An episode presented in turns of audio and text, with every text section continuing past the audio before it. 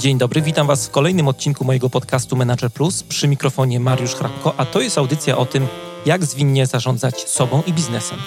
Jeżeli chcecie, żeby coś zmieniło się w Waszym życiu i czujecie potrzebę ciągłego szlifowania swoich umiejętności, zapraszam do słuchania moich audycji.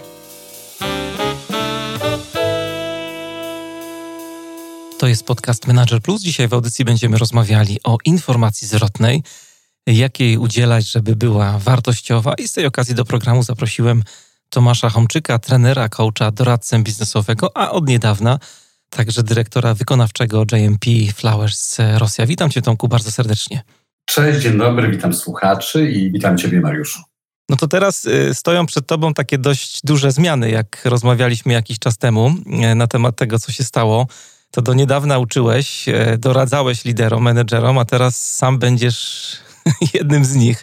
E, co czujesz, jak sobie myślisz o tej zmianie? E, no, jestem, e, jestem bardzo zadowolony z tej zmiany i silnie podekscytowany. Mhm. Chociaż gdyby ktoś mnie zapytał jeszcze pół roku temu, to sam bym pewnie nie chciał w to uwierzyć, że taka zmiana jest możliwa, bo bardzo jestem przywiązany do, do tego, co robiłem do tej pory, czyli właśnie występowanie w roli coacha, doradcy. Z drugiej strony, no, jest to wyjątkowa okazja do przełożenia już na taką bardzo konkretną praktykę moich doświadczeń i bardzo się z tego cieszę i nie mogę się już doczekać konkretnego działania. No firma jest bardzo ciekawa. Jakbyś mógł parę słów powiedzieć o y, Jane Pay Flowers, y, czym się zajmuje ta firma? Firma rodzinna.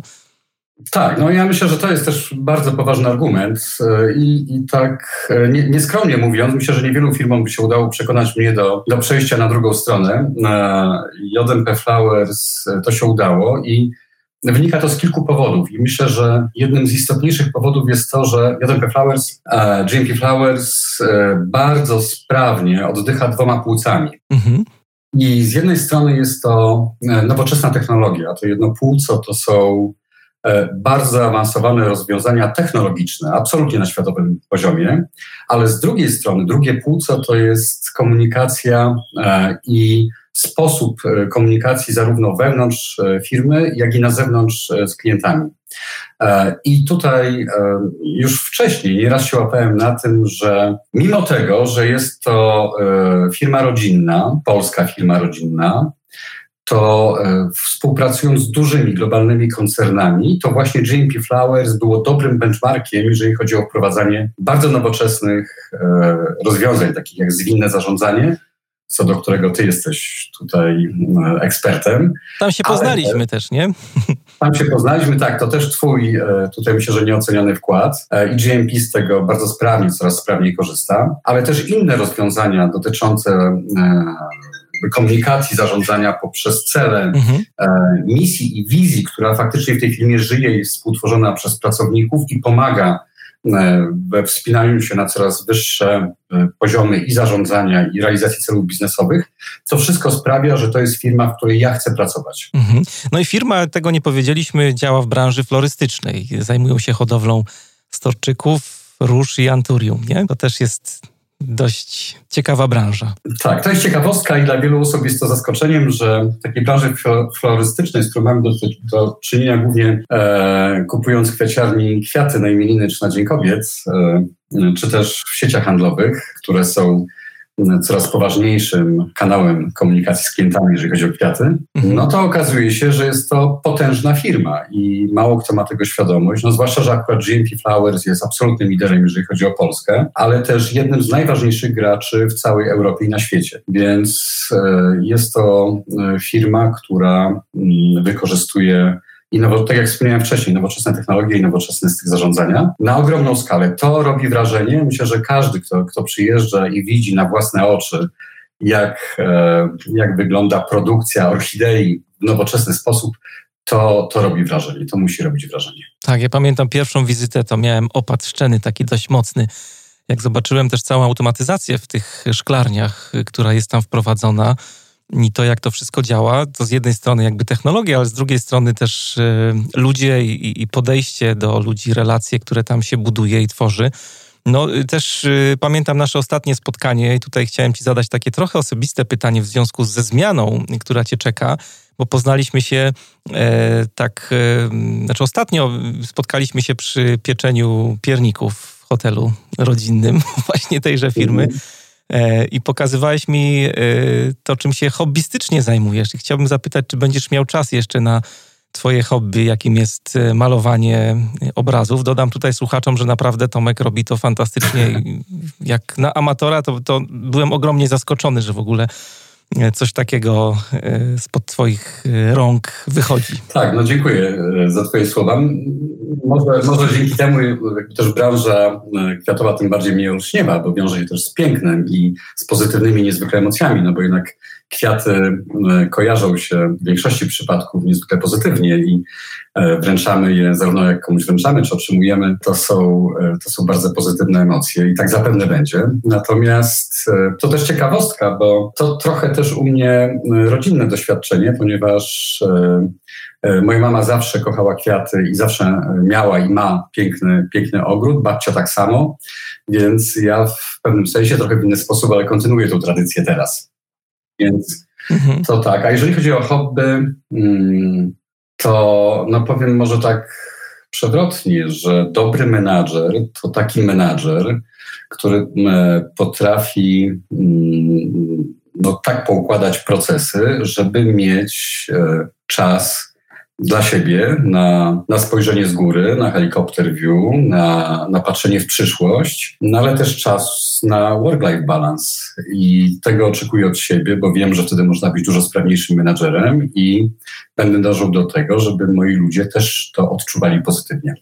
No cała ta sytuacja związana z koronawirusem y, trochę nas zmusiła do tego, żeby się tak zatrzymać.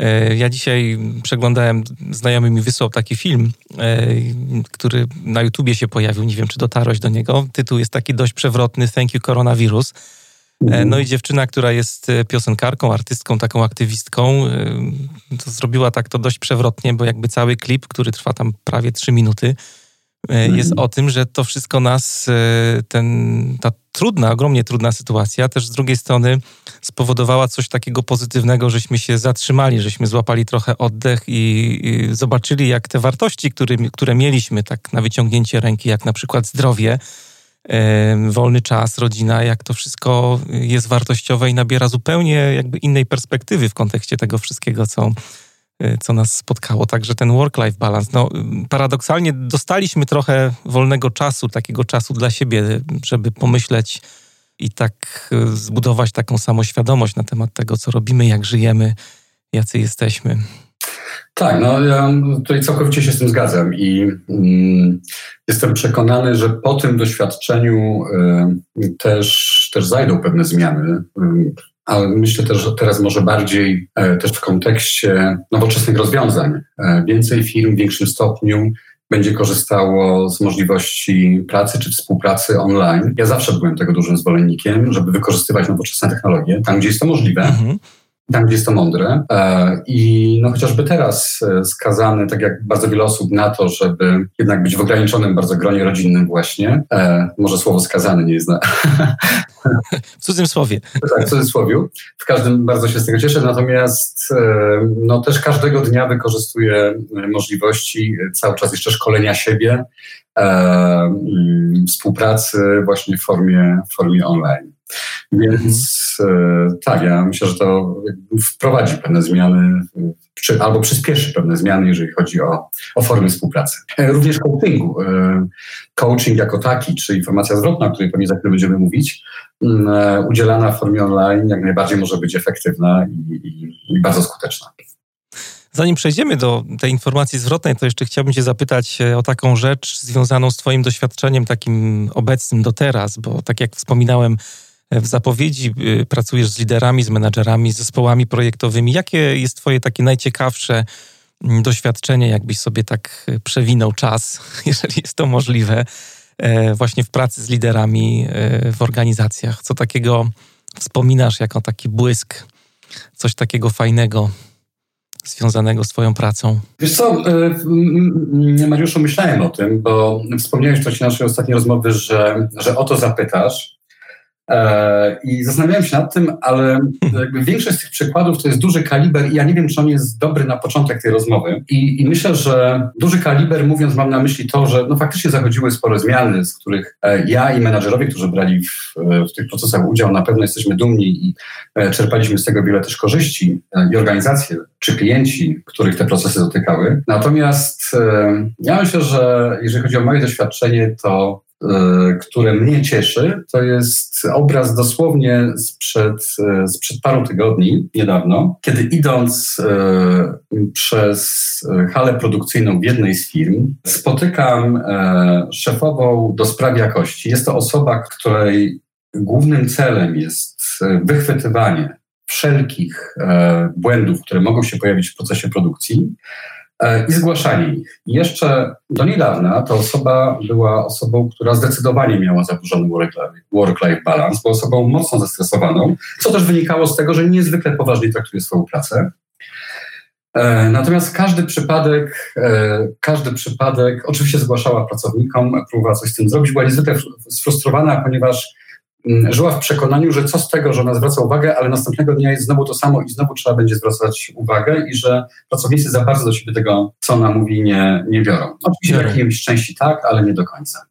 I właśnie te dwa tygodnie temu mijam ją na korytarzu, a ona, no widać to z daleka, jest uśmiechnięta, jest zrelaksowana. Zaczynamy rozmawiać, ona mówi, słuchaj Tomek, no faktycznie ja tak trochę odpuściłam. No po pierwsze udzielam informacji zwrotnej już nie wszystkim pracownikom, których to dotyczy, a ich szefom, tym liderom. E, a więc siłą rzeczy mam trochę mniej, przebiega to sprawniej. To już oni zajmują się pracą ze swoimi ludźmi, to już oni im udzielają informacji zwrotnej, a że przeszli proces przygotowania do tej informacji zwrotnej, faktycznie wzięli udział w szkoleniach, no to wiedzą jak to robić i coraz sprawniej, może nie idealnie, ale coraz sprawniej to realizują. Ona mówi, że, że na początku miała duże wątpliwości. No, przez wiele lat wypracowała sobie swój styl e, komunikacji z pracownikami.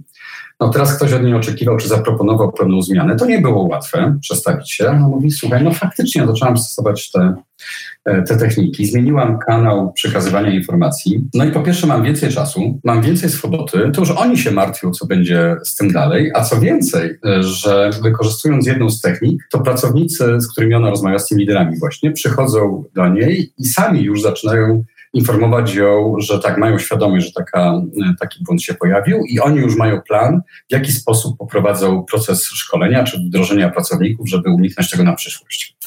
E, więc e, jej uśmiech e, i, i przede wszystkim też z punktu widzenia organizacji większa skuteczność, mniejsza ilość błędów, to, to jest coś, co, co mnie cieszy. Mam poczucie, że, że, że moja praca ma sens. Czyli taka rzecz, która się wiąże z naszym tematem, tak trochę wyszło informacji tak, zwrotnej jeżeli, też. Jeżeli mogę się jeszcze wejść słowo, ja myślę, że ten temat obrazuje jakby dwie rzeczy, czyli istotę tego, co, co jest i co zawsze było moim celem, czyli z jednej strony skuteczność, efektywność z punktu widzenia organizacji, mhm. a z drugiej strony zadowolenie pracowników. I to można łączyć razem i to jest tego przykład. I ten temat informacji zwrotnej, do którego tak już płynnie przechodzimy, to tak jak namawialiśmy się przed naszą rozmową, mówiłem ci, że z jednej strony jest to taki temat, który e, no, wydaje się trochę taki mm, oczywisty, bo też w zwinnym zarządzaniu, do którego nawiązałeś na początku, dużo się o tym mówi i, i jest to jakby taka oczywista oczywistość w wielu zespołach, że coś takiego trzeba robić.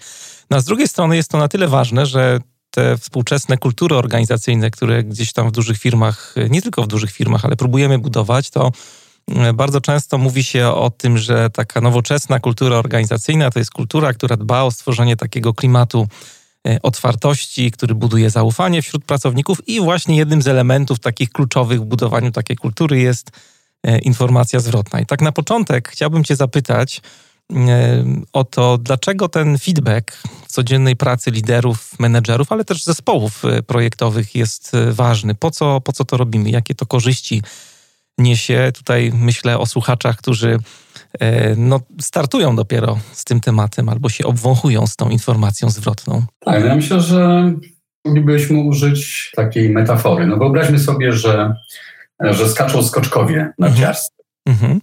Skaczą e, na treningu. Na treningu czy na zawodach? Najpierw myślę, że na treningu. E, ale po skoku nie mają żadnej informacji. Nie mają żadnej informacji, jak daleko skoczyli, e, jak przebiegał ich skok, czy wybicie było spóźnione, czy też nie. e, ile metrów pokonali, e, jak mieli ułożone narty, nie mają żadnej informacji, po prostu skoczyli. No i wymaga się od nich, żeby skakali dalej, ale nie wiedzą, czy skoczyli dalej, ile dalej mają skoczyć, czy wystarczy poprawić się o, o pół metra, czy, czy znacznie więcej, a może już osiągnęli cel. No to się wydaje oczywiste dla każdego z nas. No, takie zawody nie miałyby sensu. Mhm przygotowań. I to, że taki zawodnik otrzymuje bardzo jasną informację, na jaką odległość, na jaką odległość skoczył, e, oglądając później materiał wideo, doświadczony zawodnik sam jest w stanie udzielić sobie informacji zwrotnej. E, on już doskonale wie, co zrobił dobrze, co może zrobić lepiej, ale od tego jest też trener, który, który może mu podpowiedzieć, czy też wskazać pewne elementy, których zawodnik sam może nie zauważyć. No to się wydaje oczywiste. Mhm. E, I tak samo dokładnie jest w organizacji. E, wykorzystujemy biznesowej, wykorzystujemy e, bardzo konkretne umiejętności. Mamy pracowników, którzy, którzy są nowi, rozpoczynają pracę, doskonały swoje umiejętności. Dokładnie takich informacji potrzebują. Oczywiście to zadziała, tym lepiej, im lepiej mamy przyjęte wskaźniki. Tak jak jednostka miary w postaci metra przy skokach, tak samo pracownik, im będzie miał precyzyjniejsze wytyczne, e, precyzyjniejsze standardy, e, jednostki miary, wskaźniki, do których może się odnieść, tym, tym łatwiej przyjmie taką informację zwrotną, tym będzie bardziej ona dla niego zrozumiała i, i tym chętniej ją będzie przyjmował od swojego przełożonego, bo będzie to całkowicie jasne i będzie to bierało coś bardzo pomocnego. Więc patrząc na to w ten sposób, można sobie zadać pytanie, jak można E, funkcjonować bez informacji zwrotnej i liczyć na to, że pracownicy będą coraz lepsi, coraz skuteczniejsi. No jest to niemożliwe. Dlatego e, pytanie o zasadność e, myślę, że, że, że możemy pominąć, natomiast faktycznie jest szalenie istotne, jak ta informacja zwrotna powinna przebiegać. No właśnie, to powiedzmy parę słów o tych takich praktykach udzielania feedbacku. Na co powinniśmy zwracać uwagę, żeby ten feedback był wartościowy i faktycznie coś nam dawał, żebyśmy E, robili to dobrze. Tak, ja myślę, że e, jestem przekonany, że jest bardzo wiele mm, e, technik, z których korzystają też nasi słuchacze. Technik czy modeli. Chyba unikałbym sformułowania model, raczej bym poprzestał na określeniu albo właśnie konkretna technika udzielania informacji zwrotnej, bo wtedy tych technik możemy mieć kilka i używać ich w zależności od, od potrzeby czy od sytuacji. Tak, dzięki temu jesteśmy bardziej uniwersalni, dostosowani do, do potrzeb. A, a druga rzecz to jest e, informacja zwrotna, na którą możemy spojrzeć z punktu widzenia procesu. Czyli jeżeli e, spojrzymy na proces rozwoju, wdrożenia i rozwoju pracownika, e, doskonalenia jego umiejętności, warsztatu na, na wszystkich poziomach i wiedzy, umiejętności i postaw, no to wtedy informacja zwrotna staje się elementem tego procesu, patrząc długofalowo. Więc zarówno jako element procesu rozwoju pracownika, jak i konkretne techniki, które pomagają nam w udzielaniu informacji zwrotnej w sposób, e, w sposób umiejętny. Co więcej, tak jak już wspomniałem wcześniej, jeżeli tego, tego typu techniki stosujemy konsekwentnie, tym bardziej im bardziej doświadczony pracownik będzie, będzie w stanie, czy pracownicy będą w stanie sami sobie tej informacji zwrotnej po jakimś czasie w dużym stopniu udzielać. Wspominałeś o technikach, nie modelach. Y, masz jakąś taką swoją ulubioną technikę udzielania feedbacku? One są jakoś w ogóle też podobne do siebie, różnią się? Mówiłeś, że można dopasować je jakoś do potrzeb, do, pewnie do sytuacji. E, tak. E, techniki e, zwykle zawierają wiele podobnych e, elementów. One się mogą różnie nazywać. E, kładą też różny nacisk na poszczególne elementy udzielania informacji zwrotnej. Natomiast e, tak bardzo chętnie opowiem też o mojej, e, o takiej technice, z którą mam e, fantastyczne doświadczenie, jeżeli chodzi o, o jej skuteczność.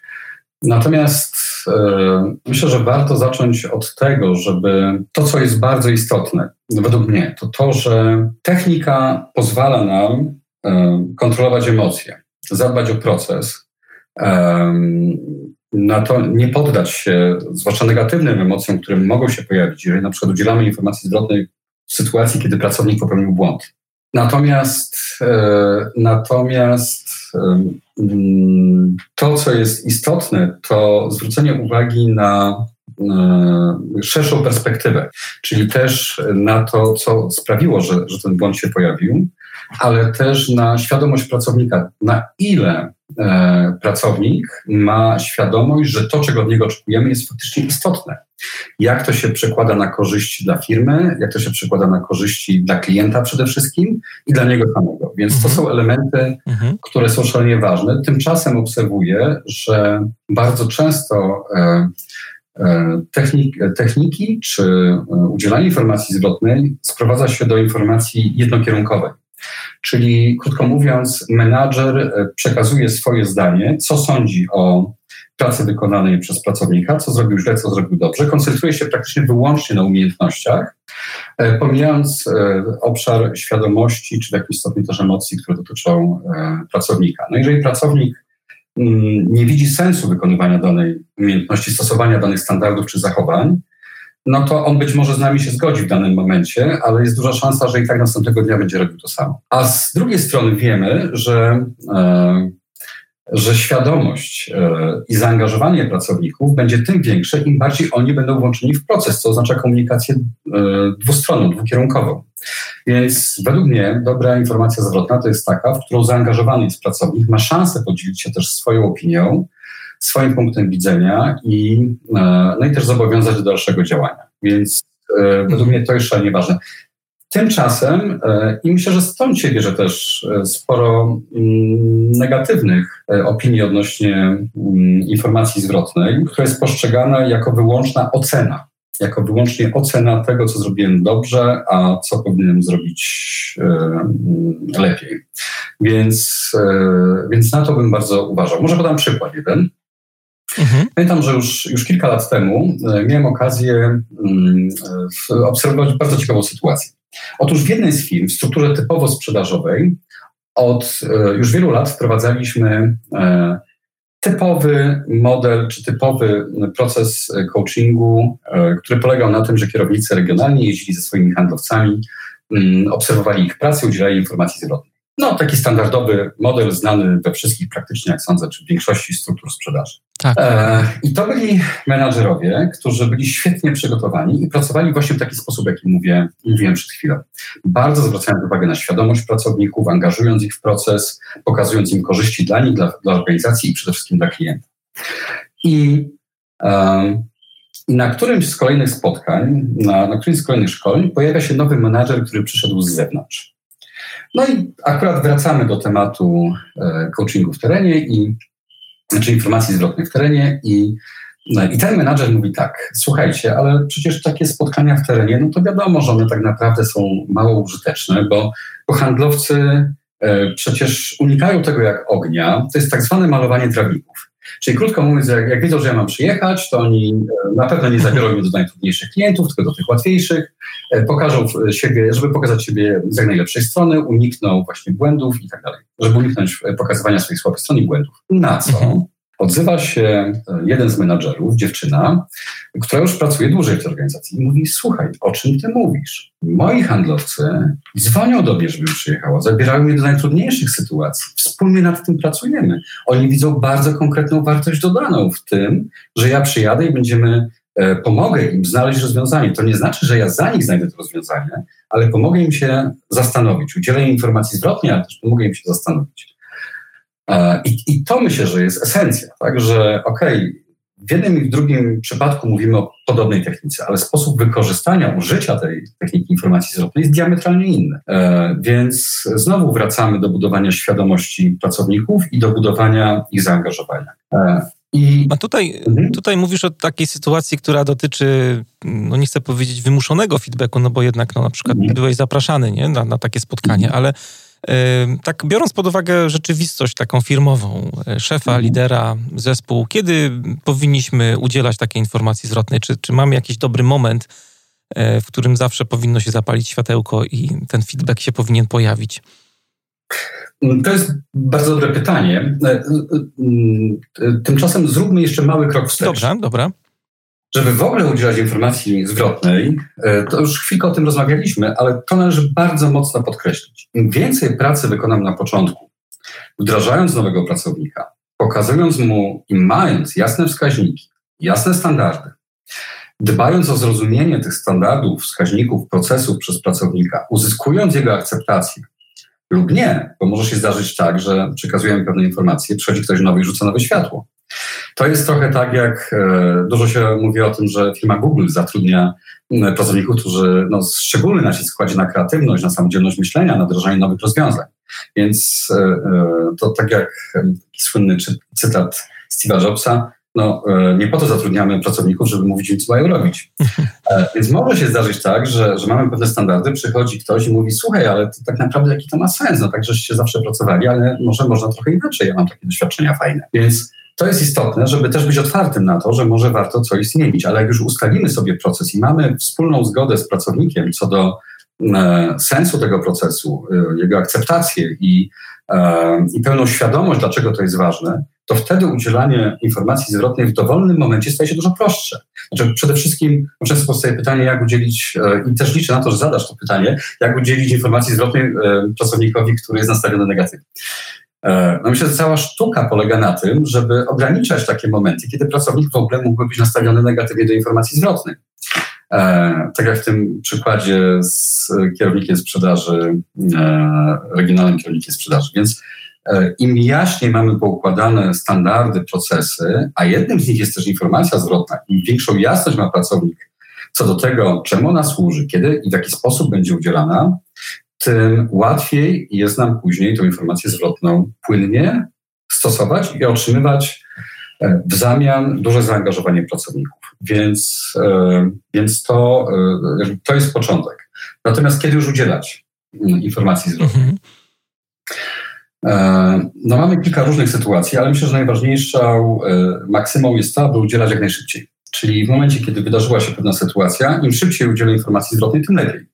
No tak właśnie działają, e, działają mm, najczęściej mm, kierownicy sprzedaży, którzy jeżdżą ze swoimi ludźmi i po takiej wizycie u klienta udzielają natychmiast informacji zwrotnych. Dlaczego? No bo mamy świeże informacje, mamy dostęp w pamięci naszej jeszcze do tego, jak wyglądał cały proces. Możemy się odwoływać bardzo mocno do konkretów, do również emocji, które towarzyszyły do tego, co się, co się wydarzyło. Więc e, mm, myślę, że jedna z ważniejszych zasad to im szybciej, tym lepiej. Natomiast w praktyce mamy różne sytuacje. I znowu y, to są czasami sytuacje ad hoc, kiedy y, przechodzimy na przykład gdzieś na linii produkcyjnej, czy fabryce, czy w zespołach e, IT, dajmy na to, e, i widzimy, że, że ktoś popełnił błąd jakiegokolwiek rodzaju, e, był, użył niewłaściwych danych, nie wykonał danego elementu na czas, nie przysłał raportu, no również dobrze jest zareagować w miarę szybko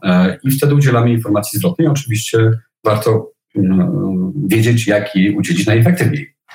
Więc to są działania ad hoc. E, no ale są też planowe działania i one są elementem procesu, kiedy udzielamy informacji zwrotnej w sposób zaplanowany, na przykład w cyklach tygodniowych, e, miesięcznych. E, one w pewnym sensie mają pewien odcień oceny, ale mogą być kapitalną okazją do bardzo wartościowej informacji zwrotnej. Ja myślę, że to, czego ty uczysz, czyli właśnie zwinne zarządzanie, agile management, mm, no tego też wymaga, czyli retrospektywa, która jest e, realizowana, e, dajmy na to co tydzień, to jest właśnie rodzaj informacji zwrotnej.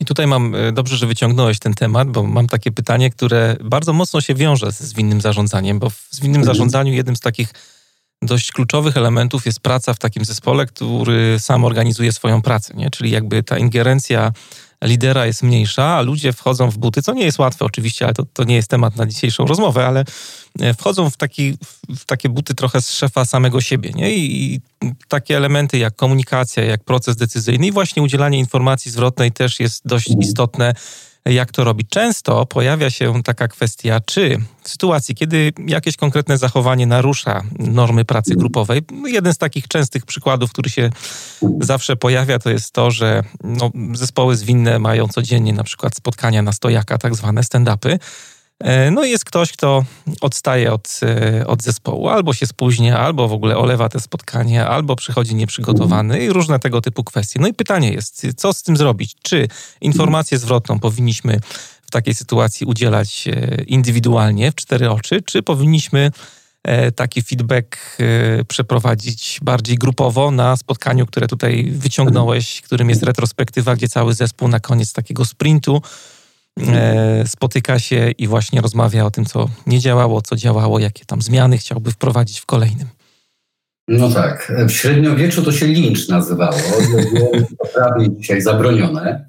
Myślę, że całkiem, całkiem, e, całkiem słusznie. Ja chciałem podkreślić jedną rzecz. Jestem e, faktycznie, e, jestem coachem, jestem trenerem, ale mm, myślę, że każdy, kto ze mną pracował, docenia to, że jestem niezwykle pragmatyczny, jestem bardzo daleki od nadmiernego, jak to ująć, nadmiernego filozofowania w, mhm. w coachingu.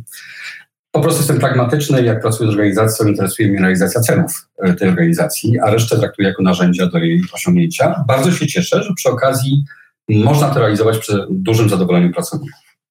Więc to, to chciałem powiedzieć na początku. Tym niemniej e, negatywną informację zwrotną, czyli taką, gdzie jest trudna sytuacja, należy w pierwszej fazie zdecydowanie przeprowadzać w cztery oczy. I znowu też jest to kwestia świadomości i zrozumienia, co jest przyczyną danej, danej sytuacji.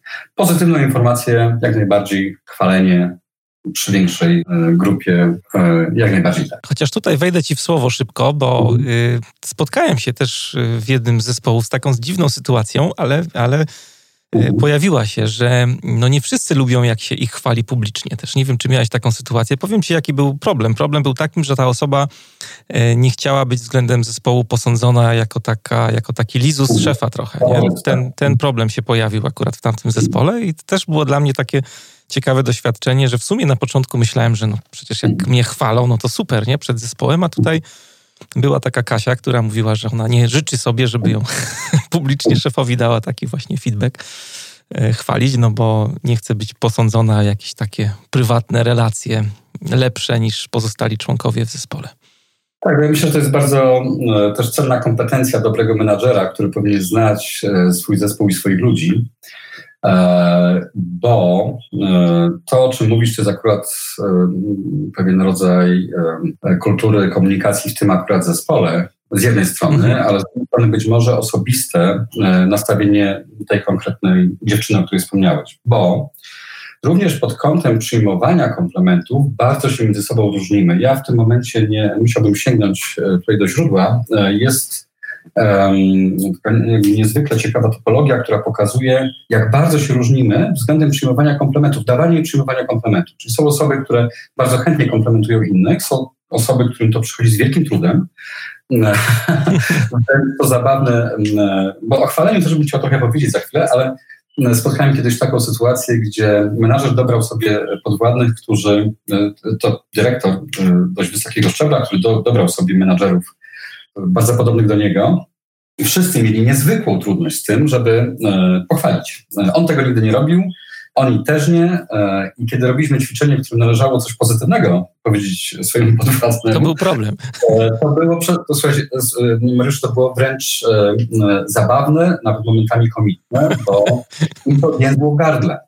Czyli nawet jak mieli napisane na kartce, przygotowali się, to, to więzło im to w gardle. No nie do wiary, trudno w to uwierzyć, ale tak czasami jest. I I tak jak się różnimy pod kątem e, chęci dawania komplementów, to tak samo jest w drugą stronę. Są osoby, które w sposób naturalny łatwo przyjmują komplementy, jest to dla nich naturalne, a są osoby, które się z tym dużo gorzej czują. E, I też jako menadżer warto być tutaj ostrożnym, poznawać swoich ludzi i to jest raz. A druga rzecz to to, co jest szczególnie ważne, może skoro jesteśmy w temacie chwalenia, to też chciałem podać ten przykład. Pamiętam, że kiedyś czytałem e, wywiad e, już lata temu z, ze słynnym skądinąd snajperem. Pewnie większość z nas oglądała film Sniper. Tak. E, Chris Cale, wybitny żołnierz sił specjalnych armii amerykańskiej, który po zakończeniu służby został szkoleniowcem, no właśnie w siłach specjalnych, tak zwanych FOK.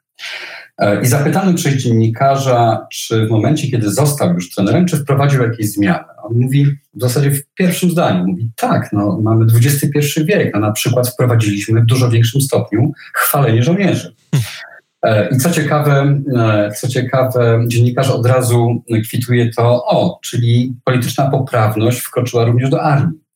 A on mówi, w żadnym wypadku, to są oddziały specjalne. Tutaj liczy się pragmatyzm i skuteczność. Po prostu bardzo jasno obserwujemy, że żołnierz pochwalony za prawidłowo wykonane zadanie, czy, czy daną umiejętność, której się właśnie uczy, uczy się dużo szybciej. Jego proces nauki przyspiesza, a na tym nam niezwykle zależy.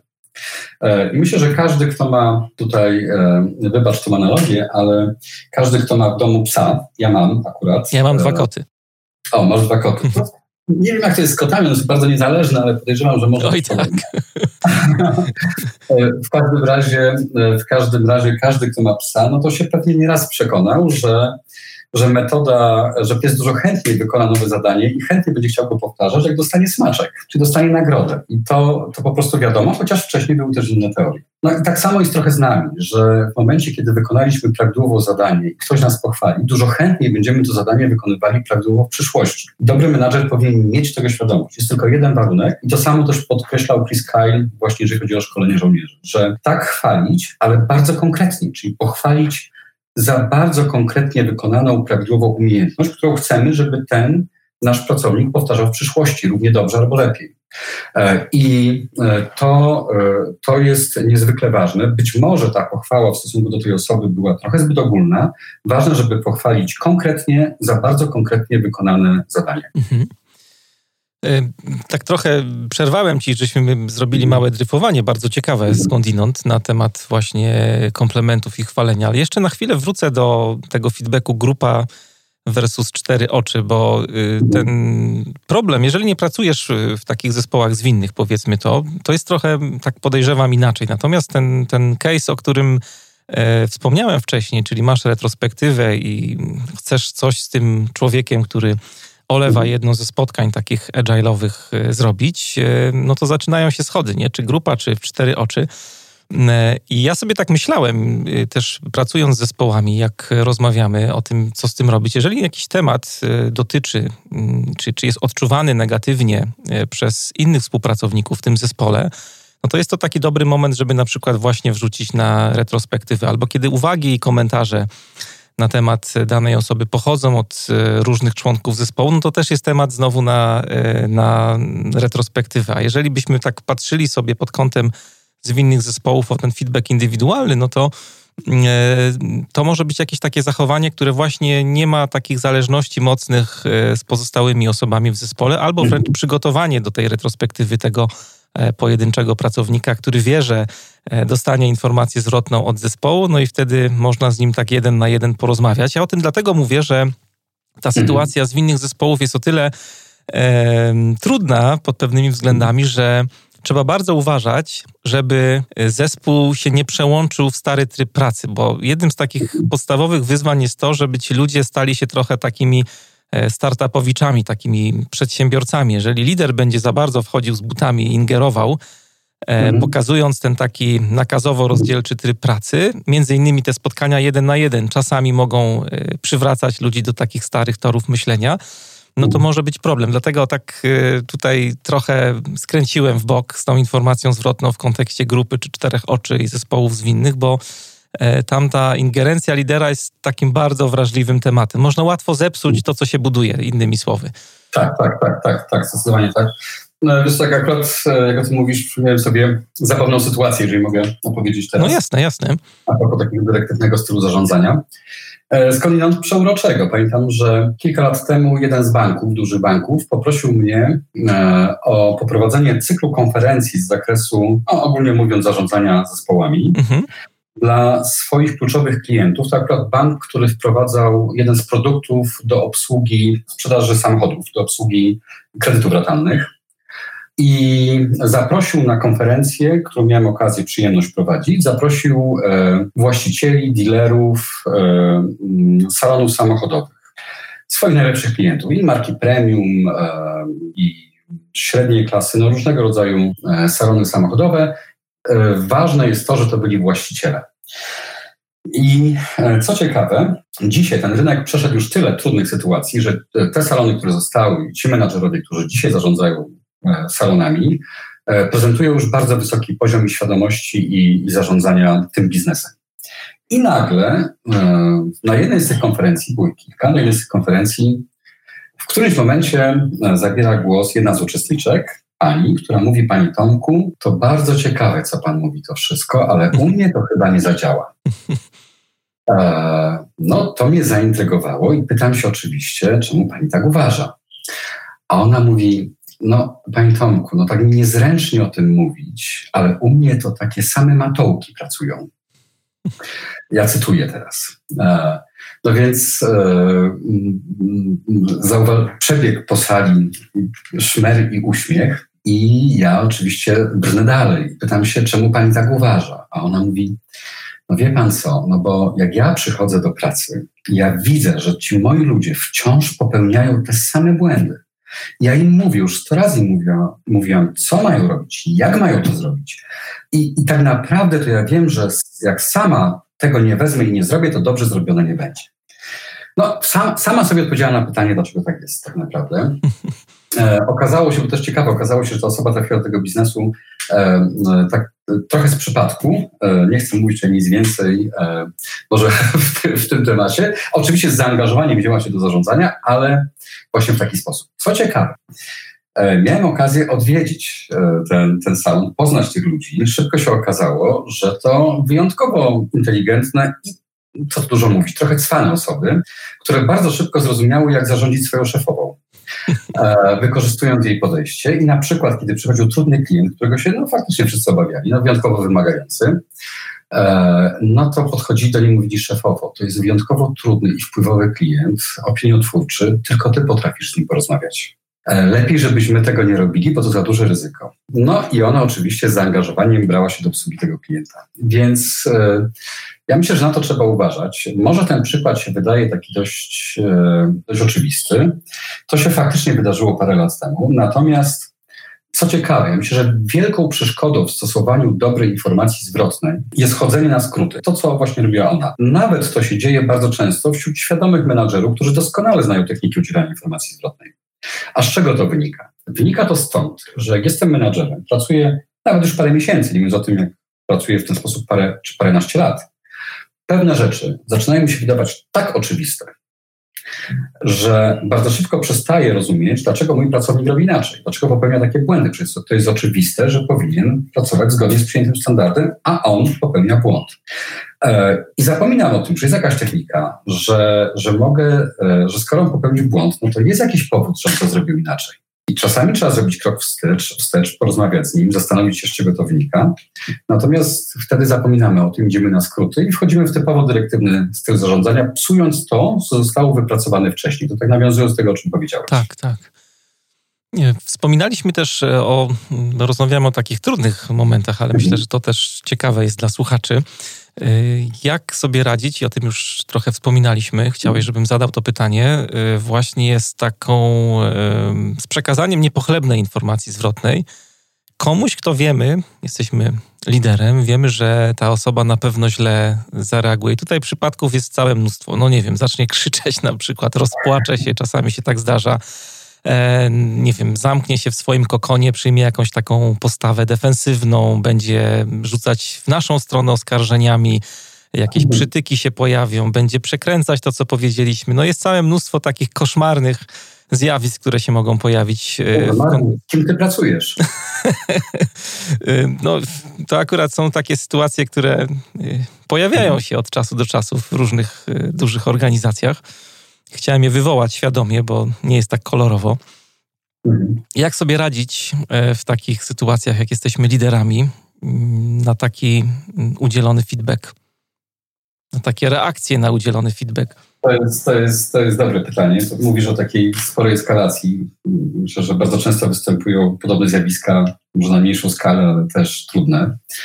E, no, trzeba sobie zadać pytanie, z czego to wynika, ten, ten opór pracownika i jego, jego historia doświadczeń.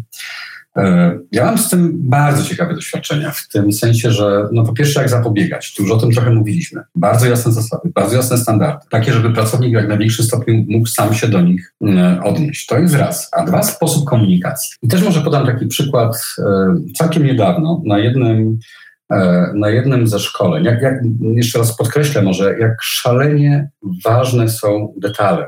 To, że znam technikę, ale będę ją stosował automatycznie, w niczym mi nie pomoże. E, ważny jest cały szereg detali, w tym komunikacja. I jednym z ważniejszych elementów jest to, żeby zachować poziom partnerski, czyli dobry menadżer unika podkreślania czy wywyższania swojej roli. Staramy się rozmawiać na poziomie partnerskim. Zgodnie z zasadą, że im bardziej ja wchodzę w rolę rodzica, tym bardziej druga strona będzie stawała się roszczeniowa, będzie wchodziła w rolę dziecka. I tak naprawdę dobry menadżer wie, że nie opłaca mu się wytwarzać oporu, czyli wszystkie zachowania, które ja jako menadżer e, wykonam i sprowokuje opór po drugiej stronie, to jest coś, co mi się nie opłaca, bo jeżeli e, mój pracownik jest w fazie oporu, E, nasza rozmowa nie będzie zmierzała do konkretnego celu, tylko będzie się koncentrowała na tym, że każdy gdzieś tam będzie się okopywał po swojej stronie. To mi się nie opłaca, a więc robię wszystko, żeby nie doprowadzić do wejścia w fazę oporu e, mojego pracownika. I czasami decydują szczegóły. No, bardzo trudno jest to, jest to mm, diagnozować, nie widząc tej sytuacji, bo właśnie ten przykład, o którym chciałem powiedzieć wcześniej. Otóż szkolenie. A więc sytuacja całkowicie bezpieczna, no nie, nie niosąca ze sobą żadnych konsekwencji. Dwóch uczestników, dwóch menadżerów, którzy zresztą całkiem dobrze się znają, e, współpracują na co dzień ze sobą. Podobnie jak w innych parach, mieli czas na przygotowanie sobie scenki. Mogli sobie ułożyć scenariusz, przygotować. Co więcej, e, w takiej sytuacji bardzo często mocno zachęcam e, tego, kto jest w roli pracownika, żeby pomógł koledze, który jest w roli menadżera i ma stosować nową technikę, ponieważ to są pierwsze kroki, czyli Oczywiście w nas siedzą te właśnie najgorsze doświadczenia z pracownikami, ale zacznijmy od małych kroków, pozwólmy menadżerowi się oswoić z techniką na początek. To jest bardzo ważne, no bo scenka miała być łagodna, tak żeby przejść po prostu przez wszystkie etapy techniki. I słyszę, jak oni się przygotowują i faktycznie przebiega to niezwykle sprawnie. Przygotowali dobry scenariusz z życia wzięty, odegrali to raz, drugi raz, super. Potem odgrywają na forum. I nagle ja widzę, że ten, który słyszę, wszyscy słyszymy cała grupa, że ten, który jest w roli pracownika, zaczyna stawiać opór. Zmienia scenariusz. No, zaczyna być wręcz nieprzyjemny. Idzie naprawdę. Do tego stopnia, że w którymś momencie przerywamy tą scenkę, bo ona zabrnęła w ślepy zaułek. No i pytam się, słuchaj, z czego to wynika? A on mówi, no tak, bo myśmy przygotowali ten scenariusz, no ja wiem, że ja nie powinienem tak robić. Ja nie wiem, co ze mnie wyszło w tym momencie, ale ten właśnie mój kolega, który zgodnie z tym scenariuszem miał mi zadać jakieś pytanie, on mi tutaj wbił taką małą szpilkę. No, nie do wiary. Sytuacja sztuczna na szkoleniu, całkowicie bezpieczna.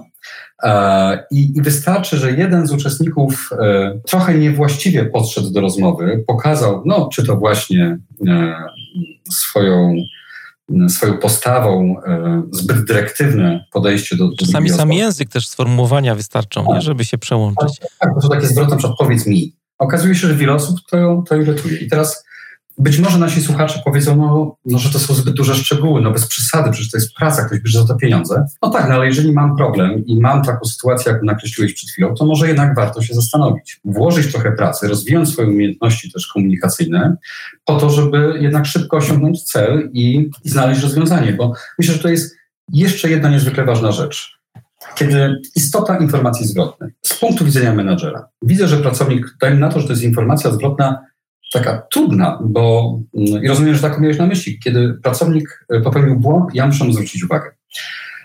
Czy chcę mu zwrócić uwagę? I, i teraz, jakie ja mam nastawienie? Czy e, co jest moim celem? E, to wcale nie jest takie oczywiste. Czy ja chcę mu zwrócić uwagę i przy okazji trochę się wyładować i powiedzieć mu, jak on źle zrobił, żeby sobie to popamiętał? Czy z drugiej strony Moim celem jest to, żeby on zawsze w przyszłości działał prawidłowo, z rozpostartymi skrzydłami i z pełnym zaangażowaniem. To są dwie różne, różne rzeczy. Czasami w, w, rodzinie mama zwraca uwagę e, e, córce czy synowi. No i pytanie, czy chce wyładować swoje emocje, by się bardzo przejęła tym, że dziecko biegło na ulicę, czy porozmawia z nim w taki sposób, żeby w przyszłości zawsze zachowywało się bezpiecznie. I teraz, jeżeli ja sobie zatrzymam się na chwilę przed taką rozmową z pracownikiem i pomyślę sobie, okej, okay, o co mi chodzi? Czy mi chodzi o to, żeby ten pracownik przez kolejne miesiące z pełnym zaangażowaniem, z zadowoleniem pracował na mnie i na firmę i na, na klientów przez kolejne właśnie miesiące i lata, to może trochę inaczej podejdę do tej rozmowy. I to jest moje podejście, które przyniosło mi w pracy z moimi zespołami, którymi miałem okazję zarządzać e, przez wiele lat. Ono zawsze się sprawdzało i przynosiło bardzo dobre korzyści. Więc warto się zatrzymać, czasami trochę ugryźć w język i zastanowić, jak taką rozmowę przeprowadzić, mając na uwadze to, co się ma wydarzyć w przyszłości. E, I w tym też pomagają techniki, też technika, o której bardzo chętnie opowiem parę słów, jeżeli jeszcze nam starszy czasu. W każdym razie e, to jest szalenie istotne, czyli ta intencja, z którą przychodzisz do, do pracownika, chcąc mu udzielić informacji zwrotnej. O technice e. pewnie za chwilę powiemy sobie, bo bardzo bym mhm. chciał, żebyś e, słuchaczom o niej też opowiedział, ale wydaje mi się, że bardzo ważnego elementu, jakby mhm. tematu związanego z udzielaniem informacji zwrotnej dotknąłeś, bo ja też mam takie przemyślenia, że ten feedback, zresztą mhm. jeden z moich kolegów tak przewrotnie mówi, że feedback to jest karmienie od tyłu z angielskiego, jakby nie było. Ale on, y, znaczy można się tak faktycznie za bardzo skoncentrować na przeszłości, na tej takiej list, liście grzechów pracownika, a zapomnieć kompletnie o pewnych możliwościach i, i, rozwiązaniach, które się wiążą y, z tym, co chcemy przekazać. To, o czym tutaj mówił, żeby bardziej patrzeć y, na, patrzeć na to, co jest przed nami, na przyszłość, niż zamykać się w przeszłości. Też to dotyka trochę zmiany pokoleniowej, no bo teraz na rynek wchodzi takie pokolenie, czy już jest może, o którym się mówi, że jest to pokolenie tak zwanych płatków śniegu. To są ludzie, którzy są przekonani o swojej wyjątkowości i oni są po prostu nieprzyzwyczajeni do otrzymywania takich negatywnych informacji zwrotnej, zwrotnych. To, to, o czym tutaj mówisz, myślę, że jest też jakimś takim ciekawym pomysłem, żeby tą informację zwrotną trochę inaczej udzielać. Zresztą też jest taki pomysł, który się nazywa obiegowo feed forward. Nie wiem, czy się spotkałeś z mhm. takim określeniem, czyli mm, jakby no, patrzenie na rozwiązania, które są w przyszłości, a nie skupianie się na tych zachowaniach, na tej liście grzechów i palenie na stosie za to, co źle zrobiliśmy. Tak, wiesz, może mm, dla mnie osobiście e, nie jest to w jakiś sposób przełomowe odkrycie, z tego względu, że miałem dużo szczęścia, że gdzieś w początku swojej kariery doradczej e, jedną z pierwszych technik, e, której wartość odkryłem, to była technika GROW. Może nie warto o niej mówić teraz więcej, typowo coachingowa technika i ona wyróżnia się tym, że jeżeli chcemy wprowadzić pewne zmiany, zaczynamy od myślenia o celu, czyli gdzie chcemy być, jak ten cel ma wyglądać, totalnie odcinając rzeczywistość. I wtedy dopiero po tym, jak wracamy do rzeczywistości, pojawia się gap, czyli ta przestrzeń między tym, jak światem idealnym, w którym chcemy być, a tym, gdzie jesteśmy. Bo jeżeli nie wykonamy tego kroku i zaczynamy od tego, jak jest dzisiaj, to bardzo mocno fokusujemy się na tych wszystkich problemach, które mamy i każdy mały kroczek w przyszłość wydaje się trudny. Więc dla mnie to myślenie w kategoriach celu i tego stanu idealnego, myślenie do przodu jest całkowicie naturalne. Co do pokolenia płatków śniegu, ja myślę, że to fantastycznie. Mamy dużo szczęścia, że mamy takich ludzi. Bo, no bo ten świat jest taki. No, y, y, ty, Mariuszu, wiesz najlepiej, fascynując się i zaszczepiając w agile management w wielu organizacjach, no wiesz to najlepiej. No, czemu służy zwinne zarządzanie? Temu, żeby szybko reagować, żeby znajdować kreatywne rozwiązanie, dostosować się do zmian.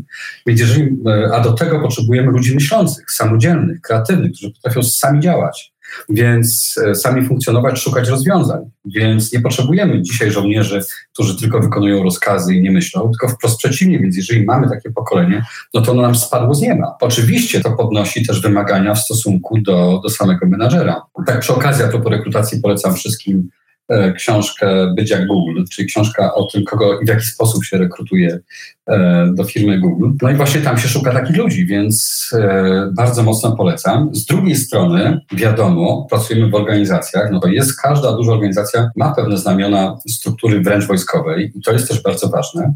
I myślę, że czyli pewne standardy, które muszą funkcjonować i trzeba się w nich odnaleźć. I w ramach tych standardów szukać samodzielności. I Myślę, że wszystkim bardzo mocno polecam. Kto jeszcze się z tym nie spotkał, albo kto się spotkał, to zachęcam do tego, żeby wrócić do modelu Blancharda, czyli e, model wdrożenia pracowników do organizacji, który pokazuje bardzo jasno, że w pierwszej fazie muszę być bardzo blisko pracownika i faktycznie włożyć częściowo w pewnym stopniu, w dyrektywny sposób, który tutaj polega na tym, że, że tłumaczę pracownikom, e, jak mają wykonywać zadania, dlaczego to jest ważne, e, jak wyglądają wskaźniki, jak wyglądają standardy i poświęcam ten czas do skutku, do momentu, kiedy nie mam pewności, że pracownik już dane wdrożenia ma za sobą. Wtedy w drugiej fazie e, daję już coraz więcej samodzielności, już zachęcam do samodzielnego myślenia, podejmowania decyzji. W tej pierwszej fazie pracownik i tak jest zaangażowany, w drugiej, kiedy już popełnia błędy, zaczynają się pojawiać wątpliwości, jestem przy nim, ale już zachęcam do samodzielnego myślenia. Trzecia faza tego, tej samodzielności będą już, już bardzo dużo, a czwarta faza to właśnie jest taka, kiedy pracownik sam się już potrafi zdiagnozować, udzielić sobie informacji zwrotnej. Ja w zasadzie tylko raz na jakiś czas delikatnie e, na niego spoglądam rzadko, ale ważne są te pierwsze fazy, kiedy jestem bardzo blisko pracownika, a to się nie zawsze dzieje. Ledwie rok temu spotkałem się z takim no niezwykle ciekawym przykładem. Menadżer, który jest znakomitym operacyjnym menadżerem, który ma, mm, wykazywał sporą chęć, też miał dużo doświadczeń w tym zakresie, żeby samodzielnie czy wspólnie z pracownikami, czy samodzielnie ingerować w proces decyzyjny w zasadzie każdego menadżera, czy wręcz pracownika, a z drugiej strony nie poświęcał im czasu w momencie wdrożenia. I to wyglądało w ten sposób, że przychodzi nowy pracownik, który otrzymuje e, ogólną informację, czym się ma zajmować i jest zostawiany na miesiąc czy na dwa. No siłą rzeczy taka osoba pozbawiona wsparcia, pozbawiona systematycznej informacji zwrotnej, pozbawiona tego mądrego procesu szkolenia, e, bardzo świadomego i uczącego też samoświadomości, po dwóch miesiącach no, popełnia wiele błędów. No, kiedy menadżer zagląda do niego po dwóch miesiącach, no to widzi te błędy. Mhm. I oczywiście rośnie jego frustracja. No jak to? Przecież my cię tu zatrudniamy. Liczyłem na to, że e, przeszedłeś proces rekrutacji, to powinieneś to wszystko wiedzieć. No tak to nie działa. Dlatego ta informacja zwrotna, bycie blisko pracownika w pierwszej fazie jest niezwykle istotna. Zachęcam jeszcze raz do przyjrzenia się do powrotu do, do modelu Blancharda. Myślę, że jest to bardzo mądre ja się cieszę bardzo, że go wywołałeś, ten model. Jakiś czas temu w jednym z odcinków rozmawialiśmy, miałem taki odcinek o samoorganizacji, też o roli e, Scrum Mastera. To jest jedna z takich ról w, w zwinnych zespołach i ten model Tutaj odniosłeś go do wdrażania pracownika, też do kwestii związanych z informacją zwrotną. On bardzo dobrze też pokazuje, e, jak bardzo lider powinien wchodzić z butami w kontekście zespołu, któremu dajemy autonomię mm, do wykonywania zadań, bo to bardzo fajnie się tutaj też mapuje. Nie? Mamy lidera, który na początek e, potrzebuje trochę się bardziej zaangażować, być nauczycielem, instruktorem, no i później ta ingerencja jest coraz, coraz to mniejsza. Bo przyznam się, no, ja miałem takie podejście do samoorganizacji na początku, wiele lat temu, jak startowałem w ogóle e, z przygodą, która się nazywa Agile w moim życiu. E, mhm. Byłem taki bardzo hura optymistycznie nastawiony do e, tej takiej mm, wolności zespołu. Nie pomyślałem sobie, że jak dajemy już władzę, autonomię zespołowi, jak jest ten empowerment i zespół może sam decydować o tym, w jaki sposób będzie mhm. pracował, jak będzie się tam obdzielał zadaniami, jak będzie się przypisywał do tych zadań, no to wszystko po prostu ruszy z kopyta. Wcale tak nie jest. Jak masz zespół świeży, który e, dopiero zaczyna e, pracę, mhm. jest w takiej pierwszej fazie swojego rozwoju, no to ludzie są trochę skołowaciali, nie wiedzą, w którą stronę iść, jak się za to wszystko zabrać i mają takie bardzo proste potrzeby, o których wspominałeś, nie potrzebę e, określenia celu, oczekiwań, procesu, jak będą pracować, kto za co będzie odpowiedzialny, jakie będą role, takie zupełnie E, taki maslow, ale projektowy, w cudzym słowie można tak, powiedzieć, nie? Tak, I tak. później im bardziej y, idziemy dalej w rozwoju tych zespołów takich samoorganizujących się, to, to lider się chowa coraz bardziej, coraz, e, coraz bardziej. Więc taki model dość uniwersalny i bardzo się cieszę, że go tutaj przywołałeś. Ja natomiast chciałbym teraz przejść do mm, techniki, o której chciałbyś poopowiadać, która jak zauważyłeś jest zwrócona bardziej do przodu niż w kierunku przeszłości. Tak, zdecydowanie. Bardzo, bardzo chętnie, e, bardzo chętnie. E, natomiast tak, jeszcze, jeszcze jedna tylko dygresja, jeżeli pozwolisz. Jasne, jasne. Mianowicie mówiąc o tych trudnych sytuacjach, trudnych przypadkach, e, czy takich osób, które stawiają opór w czasie informacji zwrotnej, no tak jak już ustaliliśmy, no jednak ta odpowiedzialność w ogromnej mierze, czy nam się pojawi, czy nie, jest po stronie przygotowania, przeprowadzenia do tego momentu pracownika, jego wdrożenia, ale też sposobu komunikacji, stylu komunikacji menadżera. Natomiast czasami warto się zastanowić w ogóle nad strukturą, czyli na ile struktura komunikacji i procesy, które mamy w firmie, ułatwiają, a może utrudniają właśnie taki e, nowoczesny model myślenia i zwinnego zarządzania, wprowadzenia stylu zwinnego zarządzania. E, kilka lat temu rozpocząłem współpracę z e, dużą, myślę, że znaną nam wszystkim doskonale marką z branży automotive. I, ale dodam tylko, że to nie samochody. nie samochody to jest o tyle ważne, że nie mówimy tutaj o dealerach, tylko mówimy o scentralizowanej, dużej produkcji i sprzedaży. I e, to, co, e, to, co e, istotne, kiedy zostałem zaproszony do współpracy, ponieważ wiadomo było, że są trudności, że nie są dowożone cele, że, że kuleje sprzedaż. Mimo tego, że mówiliśmy głównie o serwisie, co ciekawe, to serwis też ma swoje cele sprzedażowe. I na wielu, obszar, wielu obszarach było, było dużo trudności, w tym zaczęła rosnąć rotacja pracowników. Sytuacja robiła się niebezpieczna, firma traciła klientów. I zgodnie ze swoim, zgodnie z założeniem, mieliśmy rozpocząć pracę od góry, czyli od top managementu i powoli schodzić w dół. Ale ponieważ wiadomo było, że demotywacja na poziomie techników serwisowych, czyli tego szczebla jednego z najniższych w firmie, w strukturze firmy, ale niezwykle ważnego, jest bardzo, e, jest bardzo duża. I dlatego e, pomyśleliśmy, że zrobimy już jakiekolwiek, e, jakikolwiek projekt, szkolenie dla tych ludzi, żeby widzieli, że już coś konkretnego się dzieje. Tak. Była grupa ponad 100 osób, wiele spotkań i każde z tych spotkań zaczynało się od tego, że pierwsze 15 minut to było jak to powiedzieć delikatnie, to było wyrażanie bardzo silnej demotywacji związanej z pracą w tej firmie.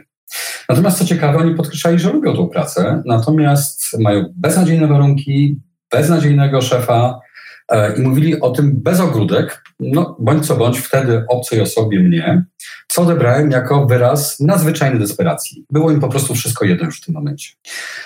I co ciekawe, myślę, że wiele osób czy wielu menadżerów e, zastanawiałoby się, ok, no to co tu w nich możemy zmienić, kogo może zwolnić, skoro są to takie czarne owce pewnie. Co się okazało? Okazało się, że tak naprawdę do zmian na tym poziomie w zasadzie nie doszło.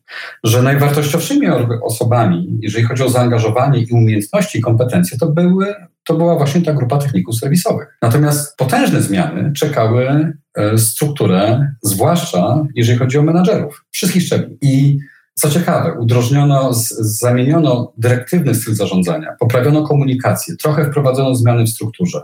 No, wprowadzono takie zmiany, które wydają się krokiem wstecz, ale e, każda e, informacja, która dotyczy, dotyczyła jakichkolwiek zmian, zosta, została wprowadzona zasada, która nakazywała menadżerowi przekazanie tej informacji zespołowi osobiście i uzyskanie informacji zwrotnej od zespołu, czyli w drugą stronę, co zespoł tym myśli czy akceptuje. Jaki był efekt? Oczywiście wszystkie grupy e, menadżerów przeszły bardzo intensywny projekt e, szkoleń e, z zakresu informacji zwrotnej. Przede wszystkim informacji zwrotnej, stosowania konkretnych technik, komunikacji, podejścia do pracowników. Efekt? W ciągu dwóch lat zrealizowane cele sprzedażowe bardzo silny wzrost zadowolenia klientów, który jest bardzo mocno mierzony i też jakby reagowanie na, na wszelkie uwagi ze strony klientów w tej firmie jest na bardzo wysokim poziomie, reakcja na, na, na uwagi.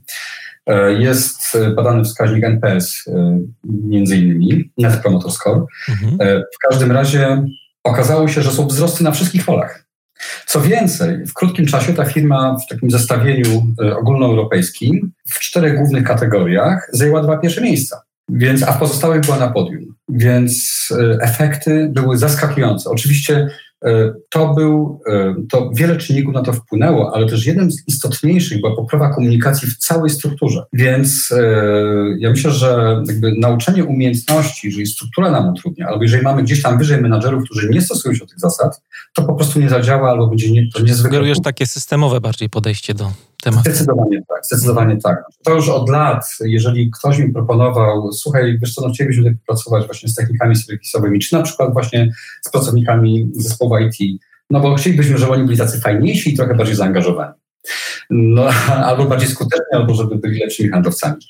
E, no to pierwsze pytanie, a jak wygląda praca menadżerów? Zacznijmy od menadżerów, wprowadźmy zasady, wskaźniki, e, model udzielania informacji zwrotnej, bo dopiero wtedy e, to ma sens, więc to tak jako ciekawostka. Ale Jeszcze... ta, ta, ta, praktyka tak e, na bieżąco nawiąże, która mhm. tak ją skomentowałeś, może ja też tak niesłusznie to wyłapałem, ale że ona jest trochę uwstecznieniem się, albo cofnięciem się do jakiejś fazy poprzedniej, mhm. o której wspominałeś, że menadżer bezpośrednio komunikuje e, jakąś decyzję zespołowi, zespół udziela informacji zwrotnej, tak face to face trochę temu menadżerowi. To jest bardzo fajna rzecz e, I, i muszę ci powiedzieć, że przy zmianach zwłaszcza ja obserwuję często, jak e, pojawiają się właśnie jakieś takie trudniejsze decyzje, albo jest grupa menedżerów, spotyka się gdzieś tam w jaskini, coś knują, ludzie się obawiają, co oni tam znowu knują po tej drugiej stronie. No i jak przychodzi ten moment komunikacji tego, co się tam wyknuło, wyjaiło, jak to nie, czasami się mówi, na takim spotkaniu, to y, jest decyzja na przykład y, zakomunikowana tylko mailem, jakoś tak gdzieś puszczona sobie mimochodem. Y, też wiem, z czego to wynika, nie? bo sporo osób obawia się reakcji zespołu i obawia się po prostu konfrontacji wolą zasłonić się tym, że jest to decyzja organizacji. Nic nam do tego, ale to, co mówisz, żeby komunikować właśnie tak wprost, bezpośrednio zespołowi, ja się spotkałem w jednej firmie też e, z taką zasadą komunikuj 24 godziny od pojawienia się decyzji e, zespołowi właśnie, nie bezpośrednio, nie że mailem, nie że jakimś tam telefonem, tylko faktycznie twarzą w twarz. Bardzo, bardzo fajna jest to rzecz. Tak, tak. I to przynosi bardzo konkretne efekty właśnie w dzisiejszym szybko zmieniającym się świecie. E, I jeszcze jeden przykład, jeżeli pozwolisz, taki, który też e, mm, chciałbym, żeby nasi e, słuchacze go, go e, zobaczyli, bo, mm, bo myślę, że on jest niezwykle cenny, trochę też otwierający oczy. E, mianowicie e, kiedyś współpracując z jedną z firm w branży energetycznej, to jest też istotne, bo wielka firma, gdzie mamy i produkcję, i centrum usług wspólnych, gdzie na szkoleniach miały szansę spotkać się osoby z różnych zupełnie obszarów, które wcześniej się nie widziały na oczy. E, I szkolenie właśnie z udzielania informacji zwrotnej i w jednej parze spotyka się dziewczyna z działu personalnego, e, menedżer oraz E, do niedawna pracownik produkcji z innego miasta zupełnie, obecnie menadżer, niezwykle zdolny, utalentowany, ktoś dostrzegł w nim potencjał i faktycznie to był strzał w dziesiątkę, e, menadżer, który, który no jednak jest z obszaru produkcji. Spotykają się w jednej scence i ćwiczą technikę, o której za chwilę będziemy mówić. Pozostałe pary również. E, wszyscy już skończyli ćwiczenie, oni jeszcze rozmawiają. Hmm. Potem no, musiałem ich mobilizować do tego, żeby, żeby, żeby już dobrnęli do brzegu. E, I e, pytam się na tej dziewczyny. Ona była w roli osoby stosującej technikę, on był w roli pracownika, który popełnił błąd. Co ciekawe, ponieważ byli z zupełnie różnych obszarów, nie mieli tematu wspólnego bezpośrednio, więc sobie wymyślili temat hipotetyczny, że on jest osobą odpowiedzialną za pomieszczenie socjalne i zabrakło kawy i ona mu udziela informacji zwrotnej. No jak to możliwe, że tej kawy nie ma? Taka prosta rzecz w sumie, nie? Taka prosta rzecz, taka prosta rzecz. Ale to jest niezwykle ciekawe. No i, e, no i zadaję dość standardowe pytania, jak się czuje z tą techniką, e, jak widzi jej sens, e, na ile widzi możliwość stosowania jej w praktyce, ona to wszystko potwierdza. Tylko na koniec mówi taką jedną rzecz. Wiesz co, no to wszystko super, mi się podoba ta technika, no ja rozumiem jej wartość, ale wiesz co, Tomek, ty nie widziałeś dziewczyn, które ze mną pracują one są tak wyszczekane, one mają po prostu milion swoich od razu pomysłów, dlaczego jednak tak miał, dlaczego one jednak zrobiły tak, a nie inaczej. No wiesz, na nich to chyba nie zadziała. Takich obronnych. Tak, tak, tak. E, na co ja się jej pytam, pytam się ją, e, no dobrze, ale czy stosowałaś tą technikę No nie. No to skąd wiesz, jak zadziała? A no nie wiem. E, I w tym momencie włącza się ten menedżer, o którym wspominałem wcześniej, ten chłopak z produkcji. I on mówi tak, słuchajcie, myśmy skończyli tą scenkę już jakiś czas temu, a ja się nie mogę cały czas uwolnić od szukania nowych pomysłów, co zrobić, żeby ta kawa zawsze była. Słuchajcie, ja się przecież tym nie zajmuję, to jest sztuczna sytuacja, a ja cały czas kombinuję, co zrobić, żeby ta kawa była zawsze, już na, w przyszłości. I on mówi, że słuchajcie, ja wyrosłem z produkcji, e, gdzie są bardzo twarde zasady. Moim szefem był inżynier, zwracało się do niego panie inżynierze, per pan, wykonywało się rozkazy, nie było miejsca na to, żeby się dzielić swoimi opiniami za bardzo, a tutaj nagle ktoś się mnie zapytał o moje zdanie, o moje pomysły i ja nie mogę przestać o tym myśleć i chętnie je wdrożę. I to jest ta różnica, czyli ktoś, kto nie stosował e, tego typu technik, czy tego typu podejścia, no nawet trudno sobie tej osobie wyobrazić, jak zmienia się podejście pracownika. Więc do tego bardzo zachęcam, bo to wprowadza ogromną zmianę. I e, już przechodząc konkretnie do techniki, bo rozumiem, że to było Twoje pytanie. Tak, tak. Ale tak ciekawie opowiadasz, że tutaj słucham z wypiekami. Bardzo dziękuję. Mam nadzieję, że to wypieki e, zdrowe, a nie od. E, tak. Więc wprowadzając do tej techniki, opowiem jeszcze jeden przykład, już taki krótki. Otóż ta technika zakłada jest bardzo prosta, bardzo konkretna. Ona jest ceniona przez menadżerów przez to, że można ją stosować nawet na upartego w ciągu minuty, e, gdzieś tam przebiegając przez dział IT, czy, czy produkcję, czy w jakiejkolwiek innej sytuacji, tak samo przez telefon. Więc jest bardzo praktyczna, e, bardzo konkretna. Nie ma owijania w bawełnę. To jest, to jest jej duży plus, taki operacyjny. Natomiast co ciekawe, e, ćwiczyła tą technikę pewna pani w ubiegłym roku, właściciel firmy produkcyjnej z branży tekstylnej, szyjącej ubrania. Ta firma posiada hale dużych powierzchni, które są sztucznie oświetlane, czy doświetlane sztucznie. E, no, zwłaszcza w okresie zimowym e, to doświetlenie zużywa ogromnej ilości energii. Hale są bardzo duże. Dlatego jest przyjęta zasada, że jeżeli na danej zmianie jest tylko część, to jest bardzo ważna informacja, na danej zmianie jest tylko część hali zajęta przez pracowników, to akurat odpowiedzialny za tę zmianę powinien, pracownik powinien zapalić światło tylko na tej części. Tymczasem z przyzwyczajenia wszyscy zapalali, no tak odruchowo, e, światło na całej tej wielkiej hali, co generowało duże straty w skali miesiąca czy roku finansowe. No i e, pomimo licznych uwag ze strony e, menadżerów, czy bezpośrednio mm, tej pani, e, wciąż problem istniał. Co więcej, w którymś momencie, pomimo uwag, obcięto premię pracownikom. Na kilka dni światło było gaszone, zapalane zgodnie ze standardem, a później znowu sytuacja wróciła do normy. Znowu obcięto premię i znowu się sytuacja powtórzyła. No nie do wiary. Ludzie byli gotowi zaryzykować swoje pieniądze, żeby nie zmienić nawyków. Siła nawyku. I ta osoba po powrocie ze szkolenia, na którym poznała tą technikę, mówi tak, no to jest przecież banalna rzecz, to gaszenie światła, no jaka technika, no przecież ludzie powinni to rozumieć, ale tak trochę dla treningu, E, trochę z ciekawości postanowiła zastosować tą technikę na pracowniku produkcji. Na dziewczynie, która pracuje też w tej. Mówi tak, e, słuchaj, bo jeden z ważnych elementów tej techniki jest zadanie pytania pracownikowi, jakie rozwiązanie on widzi, żeby ta sytuacja się zmieniła. I ta dziewczyna odpowiada, nie wiem. Tak w domyśle, myślę, e, jak sądzę trochę, nie wiem, to ty jesteś menadżerem, ty powiedz. I ta szefowa jakby wytrwała, zachowała zimną krew i mówi, nie, nie, zastanów się. Ty tutaj pracujesz, masz doświadczenie, znasz kolegów. Co można zrobić, żeby te światła były zapalane zawsze na tej części, w której powinny być w danym momencie? A ta dziewczyna mówi dalej, nie wiem. Nie mam pomysłu. I ta szefowa dalej zachowała zimną krew i mówi, słuchaj, to ty się zastanów, spotkamy się jutro, na pewno będziesz miała jakiś pomysł. I co ciekawe, tego samego dnia wieczorem ona przychodzi, ta szefowa przychodzi na tą halę produkcyjną i patrzy, światła się palą tak jak powinny. Spogląda na włączniki i część włączników odpowiedzialnych za tą część hali, która jest rzadziej używana, są zaklejone taśmą.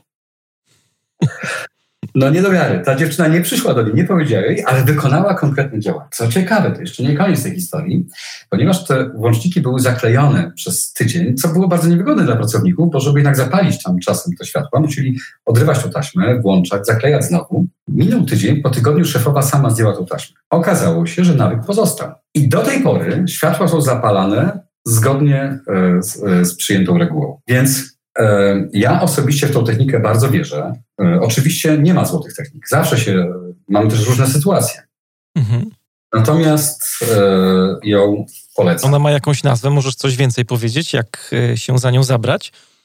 Tak, tak. Ta technika zawiera cztery etapy. Fish, taki skrót od czterech nie. Tak, odrybki, odrybki. No, myślę, że to jest takie swobodne nawiązanie trochę, że do tej legendy o tym, że, e, że dam komuś e, lepiej, nauczę go łowić ryby niż dam mu rybę, no to będzie mógł sobie sam ryby złapać. To, to, to, ta technika niesie to przesłanie, z całą pewnością. Więc e, cztery proste etapy, o których powiem za chwilę, ale jeszcze jedno słowo e, tytułem wprowadzenia. E, tak budujesz napięcie jak Hitchcock. jest taka, bo to, co w tej technice jest niezwykle ważne, to właśnie patrzenie w przyszłość. E, zbudowanie świadomości u pracownika i jego zaangażowanie w proces. Bo wtedy wiadomo, że on będzie z dużo większą chęcią i motywacją realizował swój rozwój i wdrażał te zachowania, na których nam zależy i które są istotne z punktu widzenia i firmy, i klienta. To też ważne, żeby podkreślać w informacji zwrotnej, nie, że ja czegoś chcę jako menadżer, to jest najgorsze, co możemy zrobić. No bo co, jak ktoś się na mnie obrazi, to już nie będzie tego robił, e, albo jak nie będzie, przyjdzie ktoś inny. Zawsze podkreślać, jakie e, znaczenie ma dana umiejętność, czy zastosowanie danego standardu z punktu widzenia klienta przede wszystkim. Zewnętrznego, wewnętrznego, no i organizacji jako takiej. Na trzecim miejscu dla samego pracownika. A o sobie najlepiej nie mówić tutaj w ogóle.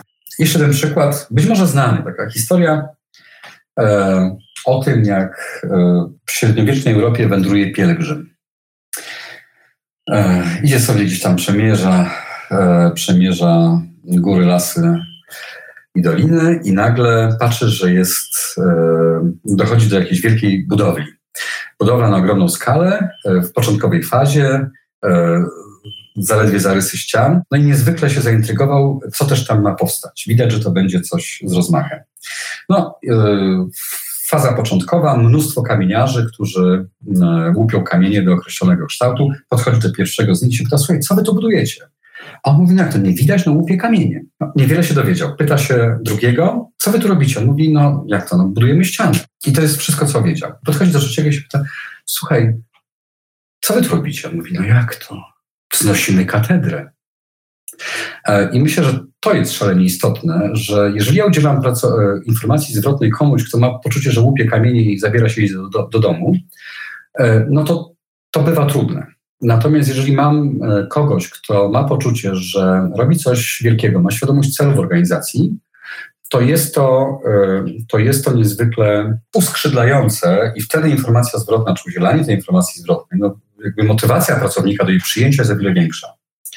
E, I Mariusz, podam jeszcze jeden przykład. Otóż oglądałem kiedyś e, program o wycince drzew w dżungli amazońskiej. Myślę, że to jest też niezwykle dla mnie był inspirujący przykład, ponieważ jedzie ekipa, film dokumentalny, jedzie ekipa dziennikarzy przez taką świeżo wyciętą e, w dżungli drogę i, i nagle trafiają na Indianina, który najwyraźniej usuwa z przejazdu pnącza, gałęzie, oczyszcza tą drogę. Tak. Indianin gdzieś mieszkający w okolicy. I pytają się go, słuchaj, co ty tu robisz? On mówi, no sprzątam drogę, a czemu? No bo pracuję w firmie, która mi to zleciła i to jest szalenie ważne, żebym to zrobił dobrze, ponieważ ponieważ e, no jeżeli ja tego nie zrobię, to nie przyjadą samochody. Jak nie przyjadą te samochody, no to nie zdążą do portu, który tam jest kilkaset kilometrów dalej, w którym zresztą nigdy nie był.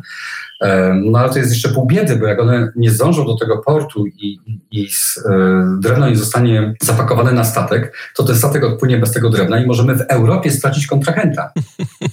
Nie dalej. Ten Indianin, który tam mieszka w tej dżungli od urodzenia, nigdy nie był poza, ale on, ktoś zadał sobie trud, żeby zbudować nim świadomość, e, jak ważna jest jego praca. Jeżeli on jej dobrze nie wykona, to gdzieś tam może, firma może stracić kontrahenta w Europie, statek odpłynie bez tego drewna. I on z pełnym zaangażowaniem tę pracę wykonuje. Ja podaję ten przykład właśnie a propos informacji zwrotnej, która ma budować świadomość, która ma pokazywać ludziom, jak istotna jest ich, jak istotna jest ich e, praca. E, żeby uniknąć e, mechanicznego traktowania jakiejkolwiek techniki udzielania informacji zwrotnej. A jeżeli chodzi o samą technikę... Mówiłeś, że jest to akronim to, czterech liter. Tak. Tak. Technika FISH, pierwsze F jak fokus. Tu chodzi o to, żeby maksymalnie konkretnie przedstawić fakty. Im krócej, tym lepiej. Zdecydowanie bez oceny, tak aby nie wywoływać oporu e, w naszym pracowniku. Czyli fakty to jest coś, czym się nie dyskutuje, obiektywnie, bez oceniania. Czyli mogę powiedzieć, jest godzina 17, nie mam raportu. Nawet nie muszę mówić, że od ciebie, tak? nie, mam, nie mam raportu. To jest obiektywne przedstawienie faktu, z którym trudno jest dyskutować. Natomiast y, można też powiedzieć, słuchaj, dlaczego nie wysłałeś mi raportu? Y, więc w tym pierwszym etapie szalenie ważne jest, aby skoncentrować się na faktach. W drugim etapie i identify the cause, to znaczy znajdź przyczynę. I tu już się zaczynają pytania do pracownika. Powiedz, co sprawiło, że tego raportu nie ma? E, mówiąc w dużym skrócie, zachęcam do tego, żeby wzbudzić w sobie na tym etapie prawdziwą ciekawość. Jeżeli zadajesz pytanie pracownikowi, chociaż w wielu przypadkach będzie ci się wydawało, że wiesz doskonale, jaka jest przyczyna, jeżeli już zadajesz pytanie, zadaj go z prawdziwą ciekawością. Bo może się okazać, że jednak są pewne dane, pewne informacje czy pewne obiektywne czynniki, które zaistniały, które sprawiły, że mm, dany standard nie zaistniał, czy pracownik e, no, nie wypełnił zadania tak, jak ty się tego spodziewałeś. Co więcej, pracownik też wyczuje, czy ty zadajesz to pytanie mechanicznie, czy ty naprawdę jesteś zainteresowany jego odpowiedzią. E, są sprawy proste, są sprawy bardziej złożone, są większe projekty, które nas interesują i czy których dotyczy dany temat, e, warto zapytać z prawdziwą ciekawością, bo to jest moment, kiedy możemy uzyskać informacje, które do tej pory pozostają poza naszą wiedzą, a mogą być kluczowe z punktu realizowania celów. Identify the cause. Tu jest moment też, żeby się zatrzymać. W momencie, kiedy pracownik o tym mówi, to jest taki moment, kiedy też wyczuwasz jego nastawienie. jego motywację, czy on postrzega w ogóle daną sytuację jako istotną. I tutaj warto dostarczyć pracownikowi, to jest, jakby, to jest częściowo poza tą techniką, ale dostarczyć informację, dlaczego jest to tak ważne, że dana umiejętność, dane zachowanie powinno zaistnieć. To taki krótki przykład z jednej z firm, też z ostatnich tygodni. Księgowość wciąż borykała się w tej firmie ze ściąganiem dokumentów e, od regionalnych przedstawicieli. E, tejże firmy. No i wciąż e, historia się powtarzała, wciąż księgowość przypominała o tym, jak to jest ważne, oni wciąż tego nie przysłali na czas. Do momentu zastosowania tej techniki, w której, gdzie w pewnym momencie księgowość zadała sobie trud i trochę dłużej wyjaśniła, jak to jest ważne, że ten dokument, czy ta konkretnie faktura, czy jakikolwiek inny dokument, który akurat był tutaj szalenie istotny, wpływa, się, wpływa w zdecydowanym stopniu na dalsze rozliczenia, które mogą na przykład zaowocować tym, że pracownicy na czas nie dostaną swoich wypłat. Tak w wielkim skrócie. Od tego momentu okazuje się, że faktury zaczęły przychodzić. Tak, przychodzić, przychodzić, czy te dokumenty zaczęły przychodzić na czas. Więc tutaj nie ma sensu brnąć dalej w tą technikę, jeżeli ja mam poczucie, że pracownik nie widzi, jak to jest ważne. Warto się tutaj zatrzymać. A więc pierwszy punkt przedstaw fakty, drugi punkt E, zapytaj, co jest przyczyną, i tu jest czas na to, żeby trochę pogłębić też e, sens stosowania danej umiejętności czy standardu. Trzeci punkt, zapytaj pracownika, jakie widzisz rozwiązanie. Jaki ty masz pomysł na to, co możesz zrobić, żeby ten raport zawsze był na czas? E, jaki pomysł masz na to, żeby nakładka, którą przygotowałeś na SAP-a, nie zawierała błędów, które się pojawiły ostatnio u nowego klienta, albo żeby zawsze działała prawidłowo. Lepiej używać pozytywnego języka. Czyli chociaż... S, S Solution, tak? To jest ten skrót. E, tak, solution, ale to solution ma się pojawić ze strony, tak, ze strony pracownika. I to jest, e, tutaj znowu jest duża pokusa, ponieważ większość menadżerów wie, co należy zrobić i chętnie się tą wiedzą podzieli, ale znowu należy mówiąc obrazowo, ugryźć się w język i tak jak ta dziewczyna, ta, ta pani właściciel z firmy produkcyjnej, odzieżowej, poczekać, dać szansę pracownikowi, żeby to była jego idea, jego pomysł. Te pomysły zwykle tutaj się pojawiają. Myślę, że wielu menadżerów, ja osobiście doświadczyłem tego wiele razy, dałem szansę ludziom myśleć samodzielnie, szukać rozwiązań, że te rozwiązania wykraczały poza to, co ja byłem, co, co, co niosło moje doświadczenie i co byłem w stanie na tym momencie, w tym momencie zaproponować.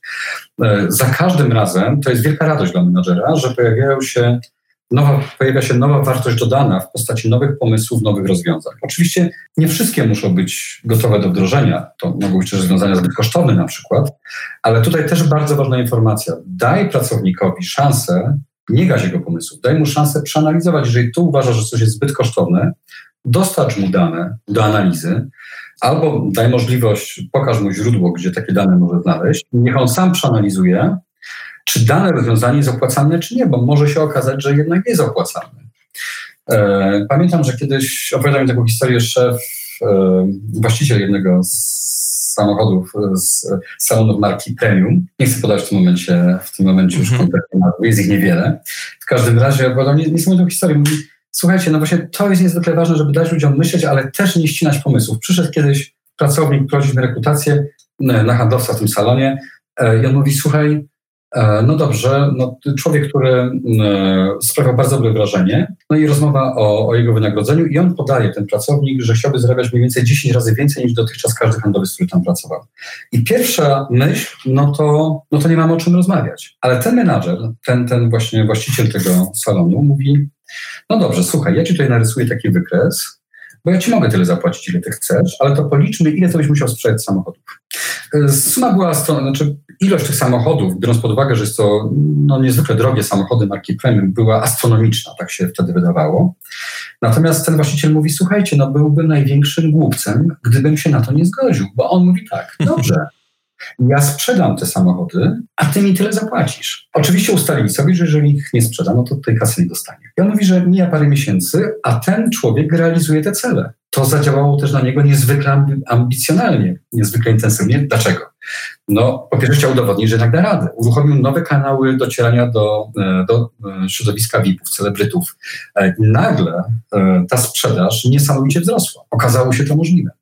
Więc zachęcam do tego, że w momencie, kiedy pracownik podaje, podpowiada pomysł, co może zrobić, E, nie opierajmy się wyłącznie na naszym doświadczeniu, bo być może to jest szansa, żeby zrobić krok do przodu. Więc uczmy pracowników, żeby sami analizowali, co się opłaca, co się nie opłaca. Dajmy im dane do przeanalizowania. A za dobre pomysły chwalmy, to już wiemy, że chwalić warto. I ostatni etap, niezwykle ważny, to jest zobowiązanie, czyli OK, to jak się konkretnie umawiamy? Ktoś ma pomysłów, może mieć całkiem sporo, no ale to są tylko pomysły. E, pamiętam, że kiedyś no, szefowa działu marketingu też w jednym z banków dzwoni do mnie i mówi, słuchaj, bo mieliśmy taką burzę mózgów pracowników, menadżerów z różnych działów i to, oni przynieśli tak kapitalne pomysły. Mija miesiąc i projekt jest pod znakiem zapytania, chodzi o wdrożenie nowej karty wtedy płatniczej, nowego rodzaju. I ona mówi, no tak, nie wdrożymy tej karty, no bo ja dzwonię do szefa sprzedaży i mówię, sobie, ty miałeś świetny pomysł, jak to zrobić. Kiedy to zrobisz? A on, on mówi, no tak, no pomysł miałem, przecież nie mówiliśmy się, że to zrobi. Więc dlatego mądry menadżer wie, że to, że żeśmy sobie porozmawiali, mamy pomysły, to jest to ważny etap, ale być może jeszcze ważniejszy to jest etap ostatni uzyskanie zobowiązania, uwaga ze strony pracownika. Czyli też, no dobrze, to powiedz, jak się konkretnie umawiamy. Kiedy mogę przyjść i tak, żebyś się mógł pochwalić, jak, jak wyglądają te nowe rozwiązania. Być może one będą na tyle skuteczne, że też wprowadzimy je, dajmy na to, w innych częściach firmy czy w całym zespole. E, I tu jest niezwykle ważna precyzja. Kiedy konkretnie? Ustalmy dzień ustalmy godzinę z zegarmistrzowską precyzją. To jest coś, co też niezwykle cenię w tej technice. Ona się zaczyna od konkretu i kończy się konkretem, konkretnymi ustaleniami. Więc ale też ciekawe jest to, jak opowiadasz o tej technice, że to jest jakby taka technika, która opiera się na dialogowaniu z pracownikiem. Nie? To nie jest technika, która ci powie, jak sformułować komunikat, no bo są też takie techniki, ale tutaj bardziej jest pokazany proces, y, ta informacja zwrotna jest procesem właśnie pracy z pracownikiem, który jest skoncentrowany na rozwiązaniach, co jest y, bardzo cenne, tak jak y, opowiadałeś o tym wszystkim. No bo może się ten feedback sprowadzić do takiej roli lekarza, który doradza na przykład pacjentom, którzy są jakoś chorobliwie otyli, no i mówi im, powinniście nie jeść, więcej ćwiczyć, no mhm. ale jakby nie ma tego sprawstwa, o którym mówisz, nie? Oni sobie jakby mogą wziąć albo nie wziąć te uwagi jakoś tam do serca i dalej będzie im kilogramów e, przybywać, nie? Czyli mm, mogą się zatrzymać jakby w, e, na, na tej opinii, czy na, tym, na tej doradztwie tego lekarza. No bo tak jak e, znowu obserwujemy rzeczywistość, to z feedbackiem często jest tak, że ten feedback jest bardzo doskonały. Nie? Menedżerowie mhm. uczą się, jak udzielać tego feedbacku, feedback jest konkretny, zrozumiały, bardzo konstruktywny, y, pracownik go odbiera, no i później mija 50 dni okazuje się, że tak jak mówisz, nic się nie zmieniło. Były fajne pomysły, ale wszystko, wszystko stoi w miejscu. Ta technika, o której tutaj nam opowiadasz, e, mam takie wrażenie, że bardzo mocno y, jest skoncentrowana na rozwiązaniu i to rozwiązanie pochodzi jakby od pracownika, tak jak w coachingu, nie? że te wszystkie mm, zasoby zakładamy, że są po drugiej stronie, po stronie tej osoby, która jest coachowana powiedzmy. Tak, no mówiąc tak już e, wprost, e, podsumowując, no to jeżeli ja e, daję pracownikowi moje rozwiązanie, no to jak on się natknie na pierwszą przeszkodę, to może mieć dużą łatwość w powiedzeniu, no słuchaj, nie miałeś racji, no to jednak nie zadziała. Tak, odpowiedzialność jest po twojej stronie, nie? Tak, jeżeli to jest jego rozwiązanie, się natknie na przeszkodę, to zrobi wszystko, żeby udowodnić, że on jednak miał rację. Więc e, dlaczego ta technika działa? Bo to są właśnie, tak jak powiedziałeś, rozwiązania pracownika i to on się zobowiązuje, że to zrobi. E, jakie są dwie największe trudności na pierwszym etapie, czyli przedstawienie obiektywnych danych bez oceny, bez emocji. Tu wielu menadżerów no, widzi trudność, bo jak ja widzę jakiś błąd pracownika, e, a jeszcze mam jakąś historię rozmów z tym pracownikiem, no to powściągnięcie tych emocji bywa najtrudniejsze. I tu się wielu menadżerów wykłada na tym, a to jest szalenie ważne. A drugi element, e, no to jest, żeby się ugryźć w język i samemu nie rzucać rozwiązań, zwłaszcza jak jesteśmy pod presją czasu tak jak słuchałem ciebie a propos przykładu z tą panią, która i tych świateł wyłączanych, to tak sobie e, pomyślałem, nie chciałem ci przerywać już twojego wywodu, ale e, jakby to był przykład, który pokazuje, jak szalenie ważne jest e, wyzbycie się takich naszych założeń, które mamy w głowach, nie? Bo możemy założyć, że ta technika się nie sprawdzi, to nie zadziała, u nas to nie zadziała wiele razy. Jakbym miał robić notatki z naszej rozmowy, to u mnie nie działa się pojawiało dość często w twoich przykładach. To są takie wszystko założenia, które nam gdzieś tam e, mózg podpowiada, że to nam nie wyjdzie i na pewno nie, nie powinniśmy z, z takiej techniki korzystać, czy ją stosować. A tymczasem no, rzeczywistość jest zupełnie inna, że pracownicy nas niejednokrotnie, tak jak e, opowiadasz, mogą nas e, zaskoczyć swoimi pomysłami e, i rozwiązaniami, które im przychodzą do głowy. Tak, no wiesz, ja miałem też taki przykład też w kategorii trudnych pracowników. Miałem okazję pracować z takim wspaniałym menadżerem. Dziewczyna, która e, przy okazji miała, e, była wyzwaniem, bo ze względu na swój mm, temperament, jeżeli mogę tak to określić, mhm. e, mianowicie miała dość dużą łatwość dość impulsywnego reagowania, takiego wręcz momentami wchodzącego w agresję. E, ja się bardzo szybko nauczyłem tego, żeby e, e, doceniając jej mądrość i też wkład w rozwój firmy, nauczyłem się odcedzać, czyli tak ze spokojem czekać, aż ona wyrazi to, co chce powiedzieć, e, zebrać analitycznie te dane, które mi przekazuje, poczekać, być może odłożyć dalszą rozmowę na, na jakiś czas i do niej wrócić. To właśnie jest szalenie ważne, żeby się skoncentrować też na tym, co, pra, co pracownik istotnie chce przekazać, a oddzielić emocje od konkretnego, e, konkretnych już e, danych, które mamy do dyspozycji. I tak e, zbliżając się już do końca naszej rozmowy, e, zagadaliśmy się dzisiaj bardzo skutecznie, ale myślę, że z korzyścią dla słuchaczy.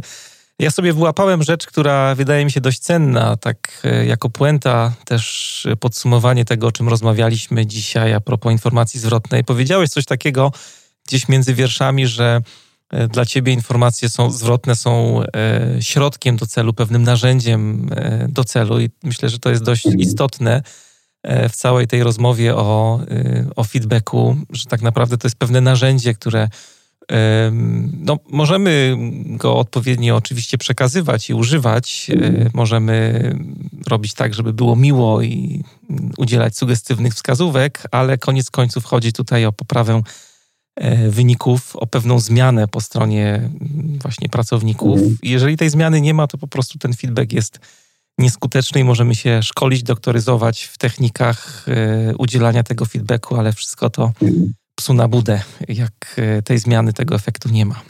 Tak, tak. No to jest ten pragmatyzm. No tutaj jednak e, nasze działania są, pracujemy w organizacjach biznesowych, no i chodzi o konkretny efekt. No i pewną mądrość, jak ten efekt uzyskać. Nie zawsze najkrótsza droga jest najlepsza. To jest podcast Manager Plus. Dzisiaj moim i waszym gościem był e, Tomasz Homczyk, trener, coach, doradca biznesowy, dyrektor wykonawczy JMP Flowers Rosja. Tomku, ogromne dzięki za ciekawą i inspirującą rozmowę. Tak, dziękuję Ci również Mariuszu, pozdrawiam Ciebie, pozdrawiam słuchaczy. Dziękuję, że zostaliście do końca. Dzisiejszy odcinek no, był trochę długi, ale zawierał tak dużo cennych treści, że zdecydowałem się go opublikować w całości. Treści, które dostarczą Wam na pewno sporo wartości w codziennej pracy. Mm, mam jeszcze na koniec dwa e, krótkie ogłoszenia. Po pierwsze, przypominam e, tym wszystkim, którzy mm, są tutaj po raz pierwszy albo jakoś im to umknęło, że do 2 kwietnia trwa sprzedaż mojego autorskiego kursu online Scrum Assistance po bardzo preferencyjnych cenach. Przygotowałem dla Was obniżkę 50% na każdym pakiecie. Kurs składa się z 25 lekcji, każda z nich dotyczy przepracowanie jakiejś konkretnej sytuacji, jakiegoś konkretnego problemu, z którymi e, najczęściej zespoły borykają się w takiej codziennej, skramowej pracy. E, kurs jest dostępny w dwóch wersjach, Basic i VIP. Te wersje różnią się w zasadzie e, po pierwsze tym, że w przypadku wersji Basic dostęp jest do materiałów na 6 miesięcy, w przypadku wersji VIP jest to dostęp roczny, a druga różnica jest taka, że w wersji VIP zdecydowałem się dołożyć jeszcze jeden moduł z lekcjami, które dotykają tematów związanych e, z pracą zespołową w Skramie. E, te lekcje pierwotnie były udostępniane, bo nie jest to pierwsza edycja tego kursu, ale już kilka edycji za nami. E, były udostępniane w odstępach cotygodniowych, natomiast teraz, ze względu na ten szczególny czas, każdy z Was w zasadzie będzie miał dostęp do wszystkich lekcji zaraz po zakupie danego pakietu kursu i w zasadzie od ręki będzie mógł z niego korzystać, tak żeby maksymalnie sobie wykorzystać swój czas i odpowiednio go mm, rozplanować. Wszystkie szczegóły znajdziecie na stronie scramassistance.pl. Jeżeli mielibyście też jakiekolwiek pytania odnośnie kursu, szczegółów, programu, tego na jakich warunkach można go kupić, to oprócz tych informacji, które są na stronie, e, piszcie korzystając z formularza kontaktowego na scrumassistance.pl. Bardzo szybko reagujemy na Wasze mm, wiadomości. No i druga informacja, mm, dość też taka istotna, myślę, że dla części słuchaczy. Dostaję od Was sporo maili, których pytacie, kiedy planujemy mm, uruchomić sprzedaż szkoleń w ramach projektu zwinne szkolenia.pl. E, no tutaj sprawa e, wygląda tak, że póki co, ze względu na całe zamieszanie, z którym mamy na co dzień do czynienia, to ta sprzedaż tych szkoleń w takiej formule, w jakiej to planowaliśmy mm, wcześniej, na pewno się nie odbędzie, chyba że się jakoś mocno sytuacja zmieni, ale dla tych wszystkich osób zainteresowanych tymi szkoleniami, tych osób, które też zapisały się na listę waitingową e, tych szkoleń na zwinnyszkolenia.pl, e, mam dobrą wiadomość, e, myślę, bo robimy wszystko, stajemy na głowie, żeby te szkolenia odbyły się, ale w formacie online. Pracujemy teraz mocno nad E, strategią, konfigurujemy różne narzędzia, przygotowujemy ćwiczenia, materiały, slajdy i ci z Was, którzy mnie regularnie słuchają, to wiedzą, że przywiązują do tego ogromną wagę, ogromną wagę do jakości tego, co wypuszczam. No i dlatego pewnie jeszcze chwilkę to wszystko e, potrwa, no ale tak sobie pomyślałem, że skoro mamy spędzić ze sobą kilka godzin e, online, to jakość tych materiałów, jakość audio, wideo, E, prezentacji powinna być jak najlepsza, żebyście po prostu z nami nie cierpieli specjalnie. Dlatego no, uzbrójcie się jeszcze w cierpliwość. Na pewno niebawem, nie będzie to za kilka miesięcy, ale w zasadzie na dniach myślę, że mm, e, opowiem Wam, jak to wszystko będzie wyglądało i w, jakich, e, w jaki sposób, na jakich zasadach będzie można z tej oferty skorzystać.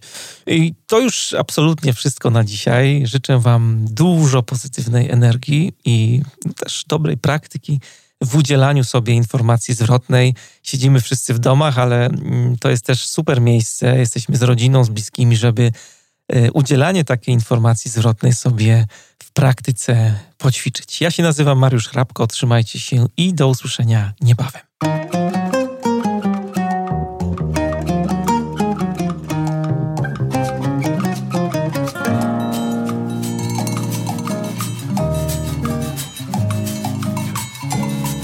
Estou de volta na brisa da estrada, boca da noite calada no ar. O vento bem leve tão acanhado, um frio danado cortando o ar. Juro que fico morrendo de medo de não chegar cedo, de nunca chegar nos braços de quem espera. Nos braços do meu amor. Ah, meu Deus, é felicidade esse jeito de ter saudade, eu queria morrer de dor.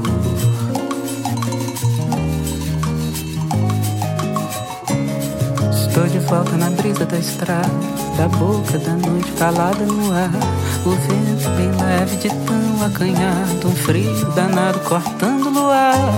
Juro que fico morrendo de medo de não chegar cedo, de nunca chegar nos braços de quem espero nos braços do meu amor. Ah, meu Deus, é felicidade, esse jeito de ter saudade. Eu queria morrer de dor.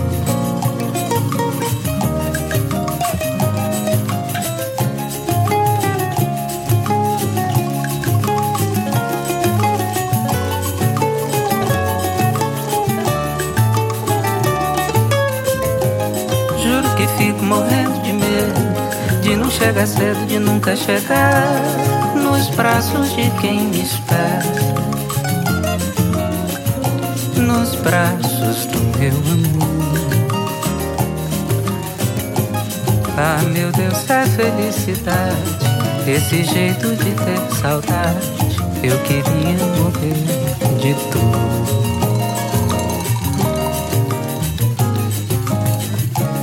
Estou de volta na brisa da estrada boca da noite calada no ar. O vento bem leve de tão acanhado. Um frio danado cortando no ar. Juro que fico morrendo de medo. De não chegar cedo, de nunca chegar nos braços de quem me espera.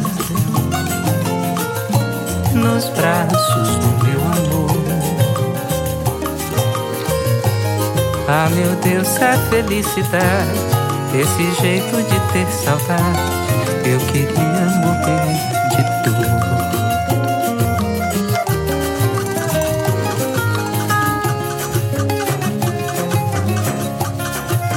Estou de volta na brisa da estrada calada no ar. O vento bem leve de tão acanhado e o frio danado cortando o ar. Eu juro que fico morrendo de medo de não chegar cedo, de nunca chegar nos braços de quem me espera, nos braços do meu amor. Ah, meu Deus, se a felicidade é esse jeito de ter saudade, eu queria era morrer de dor.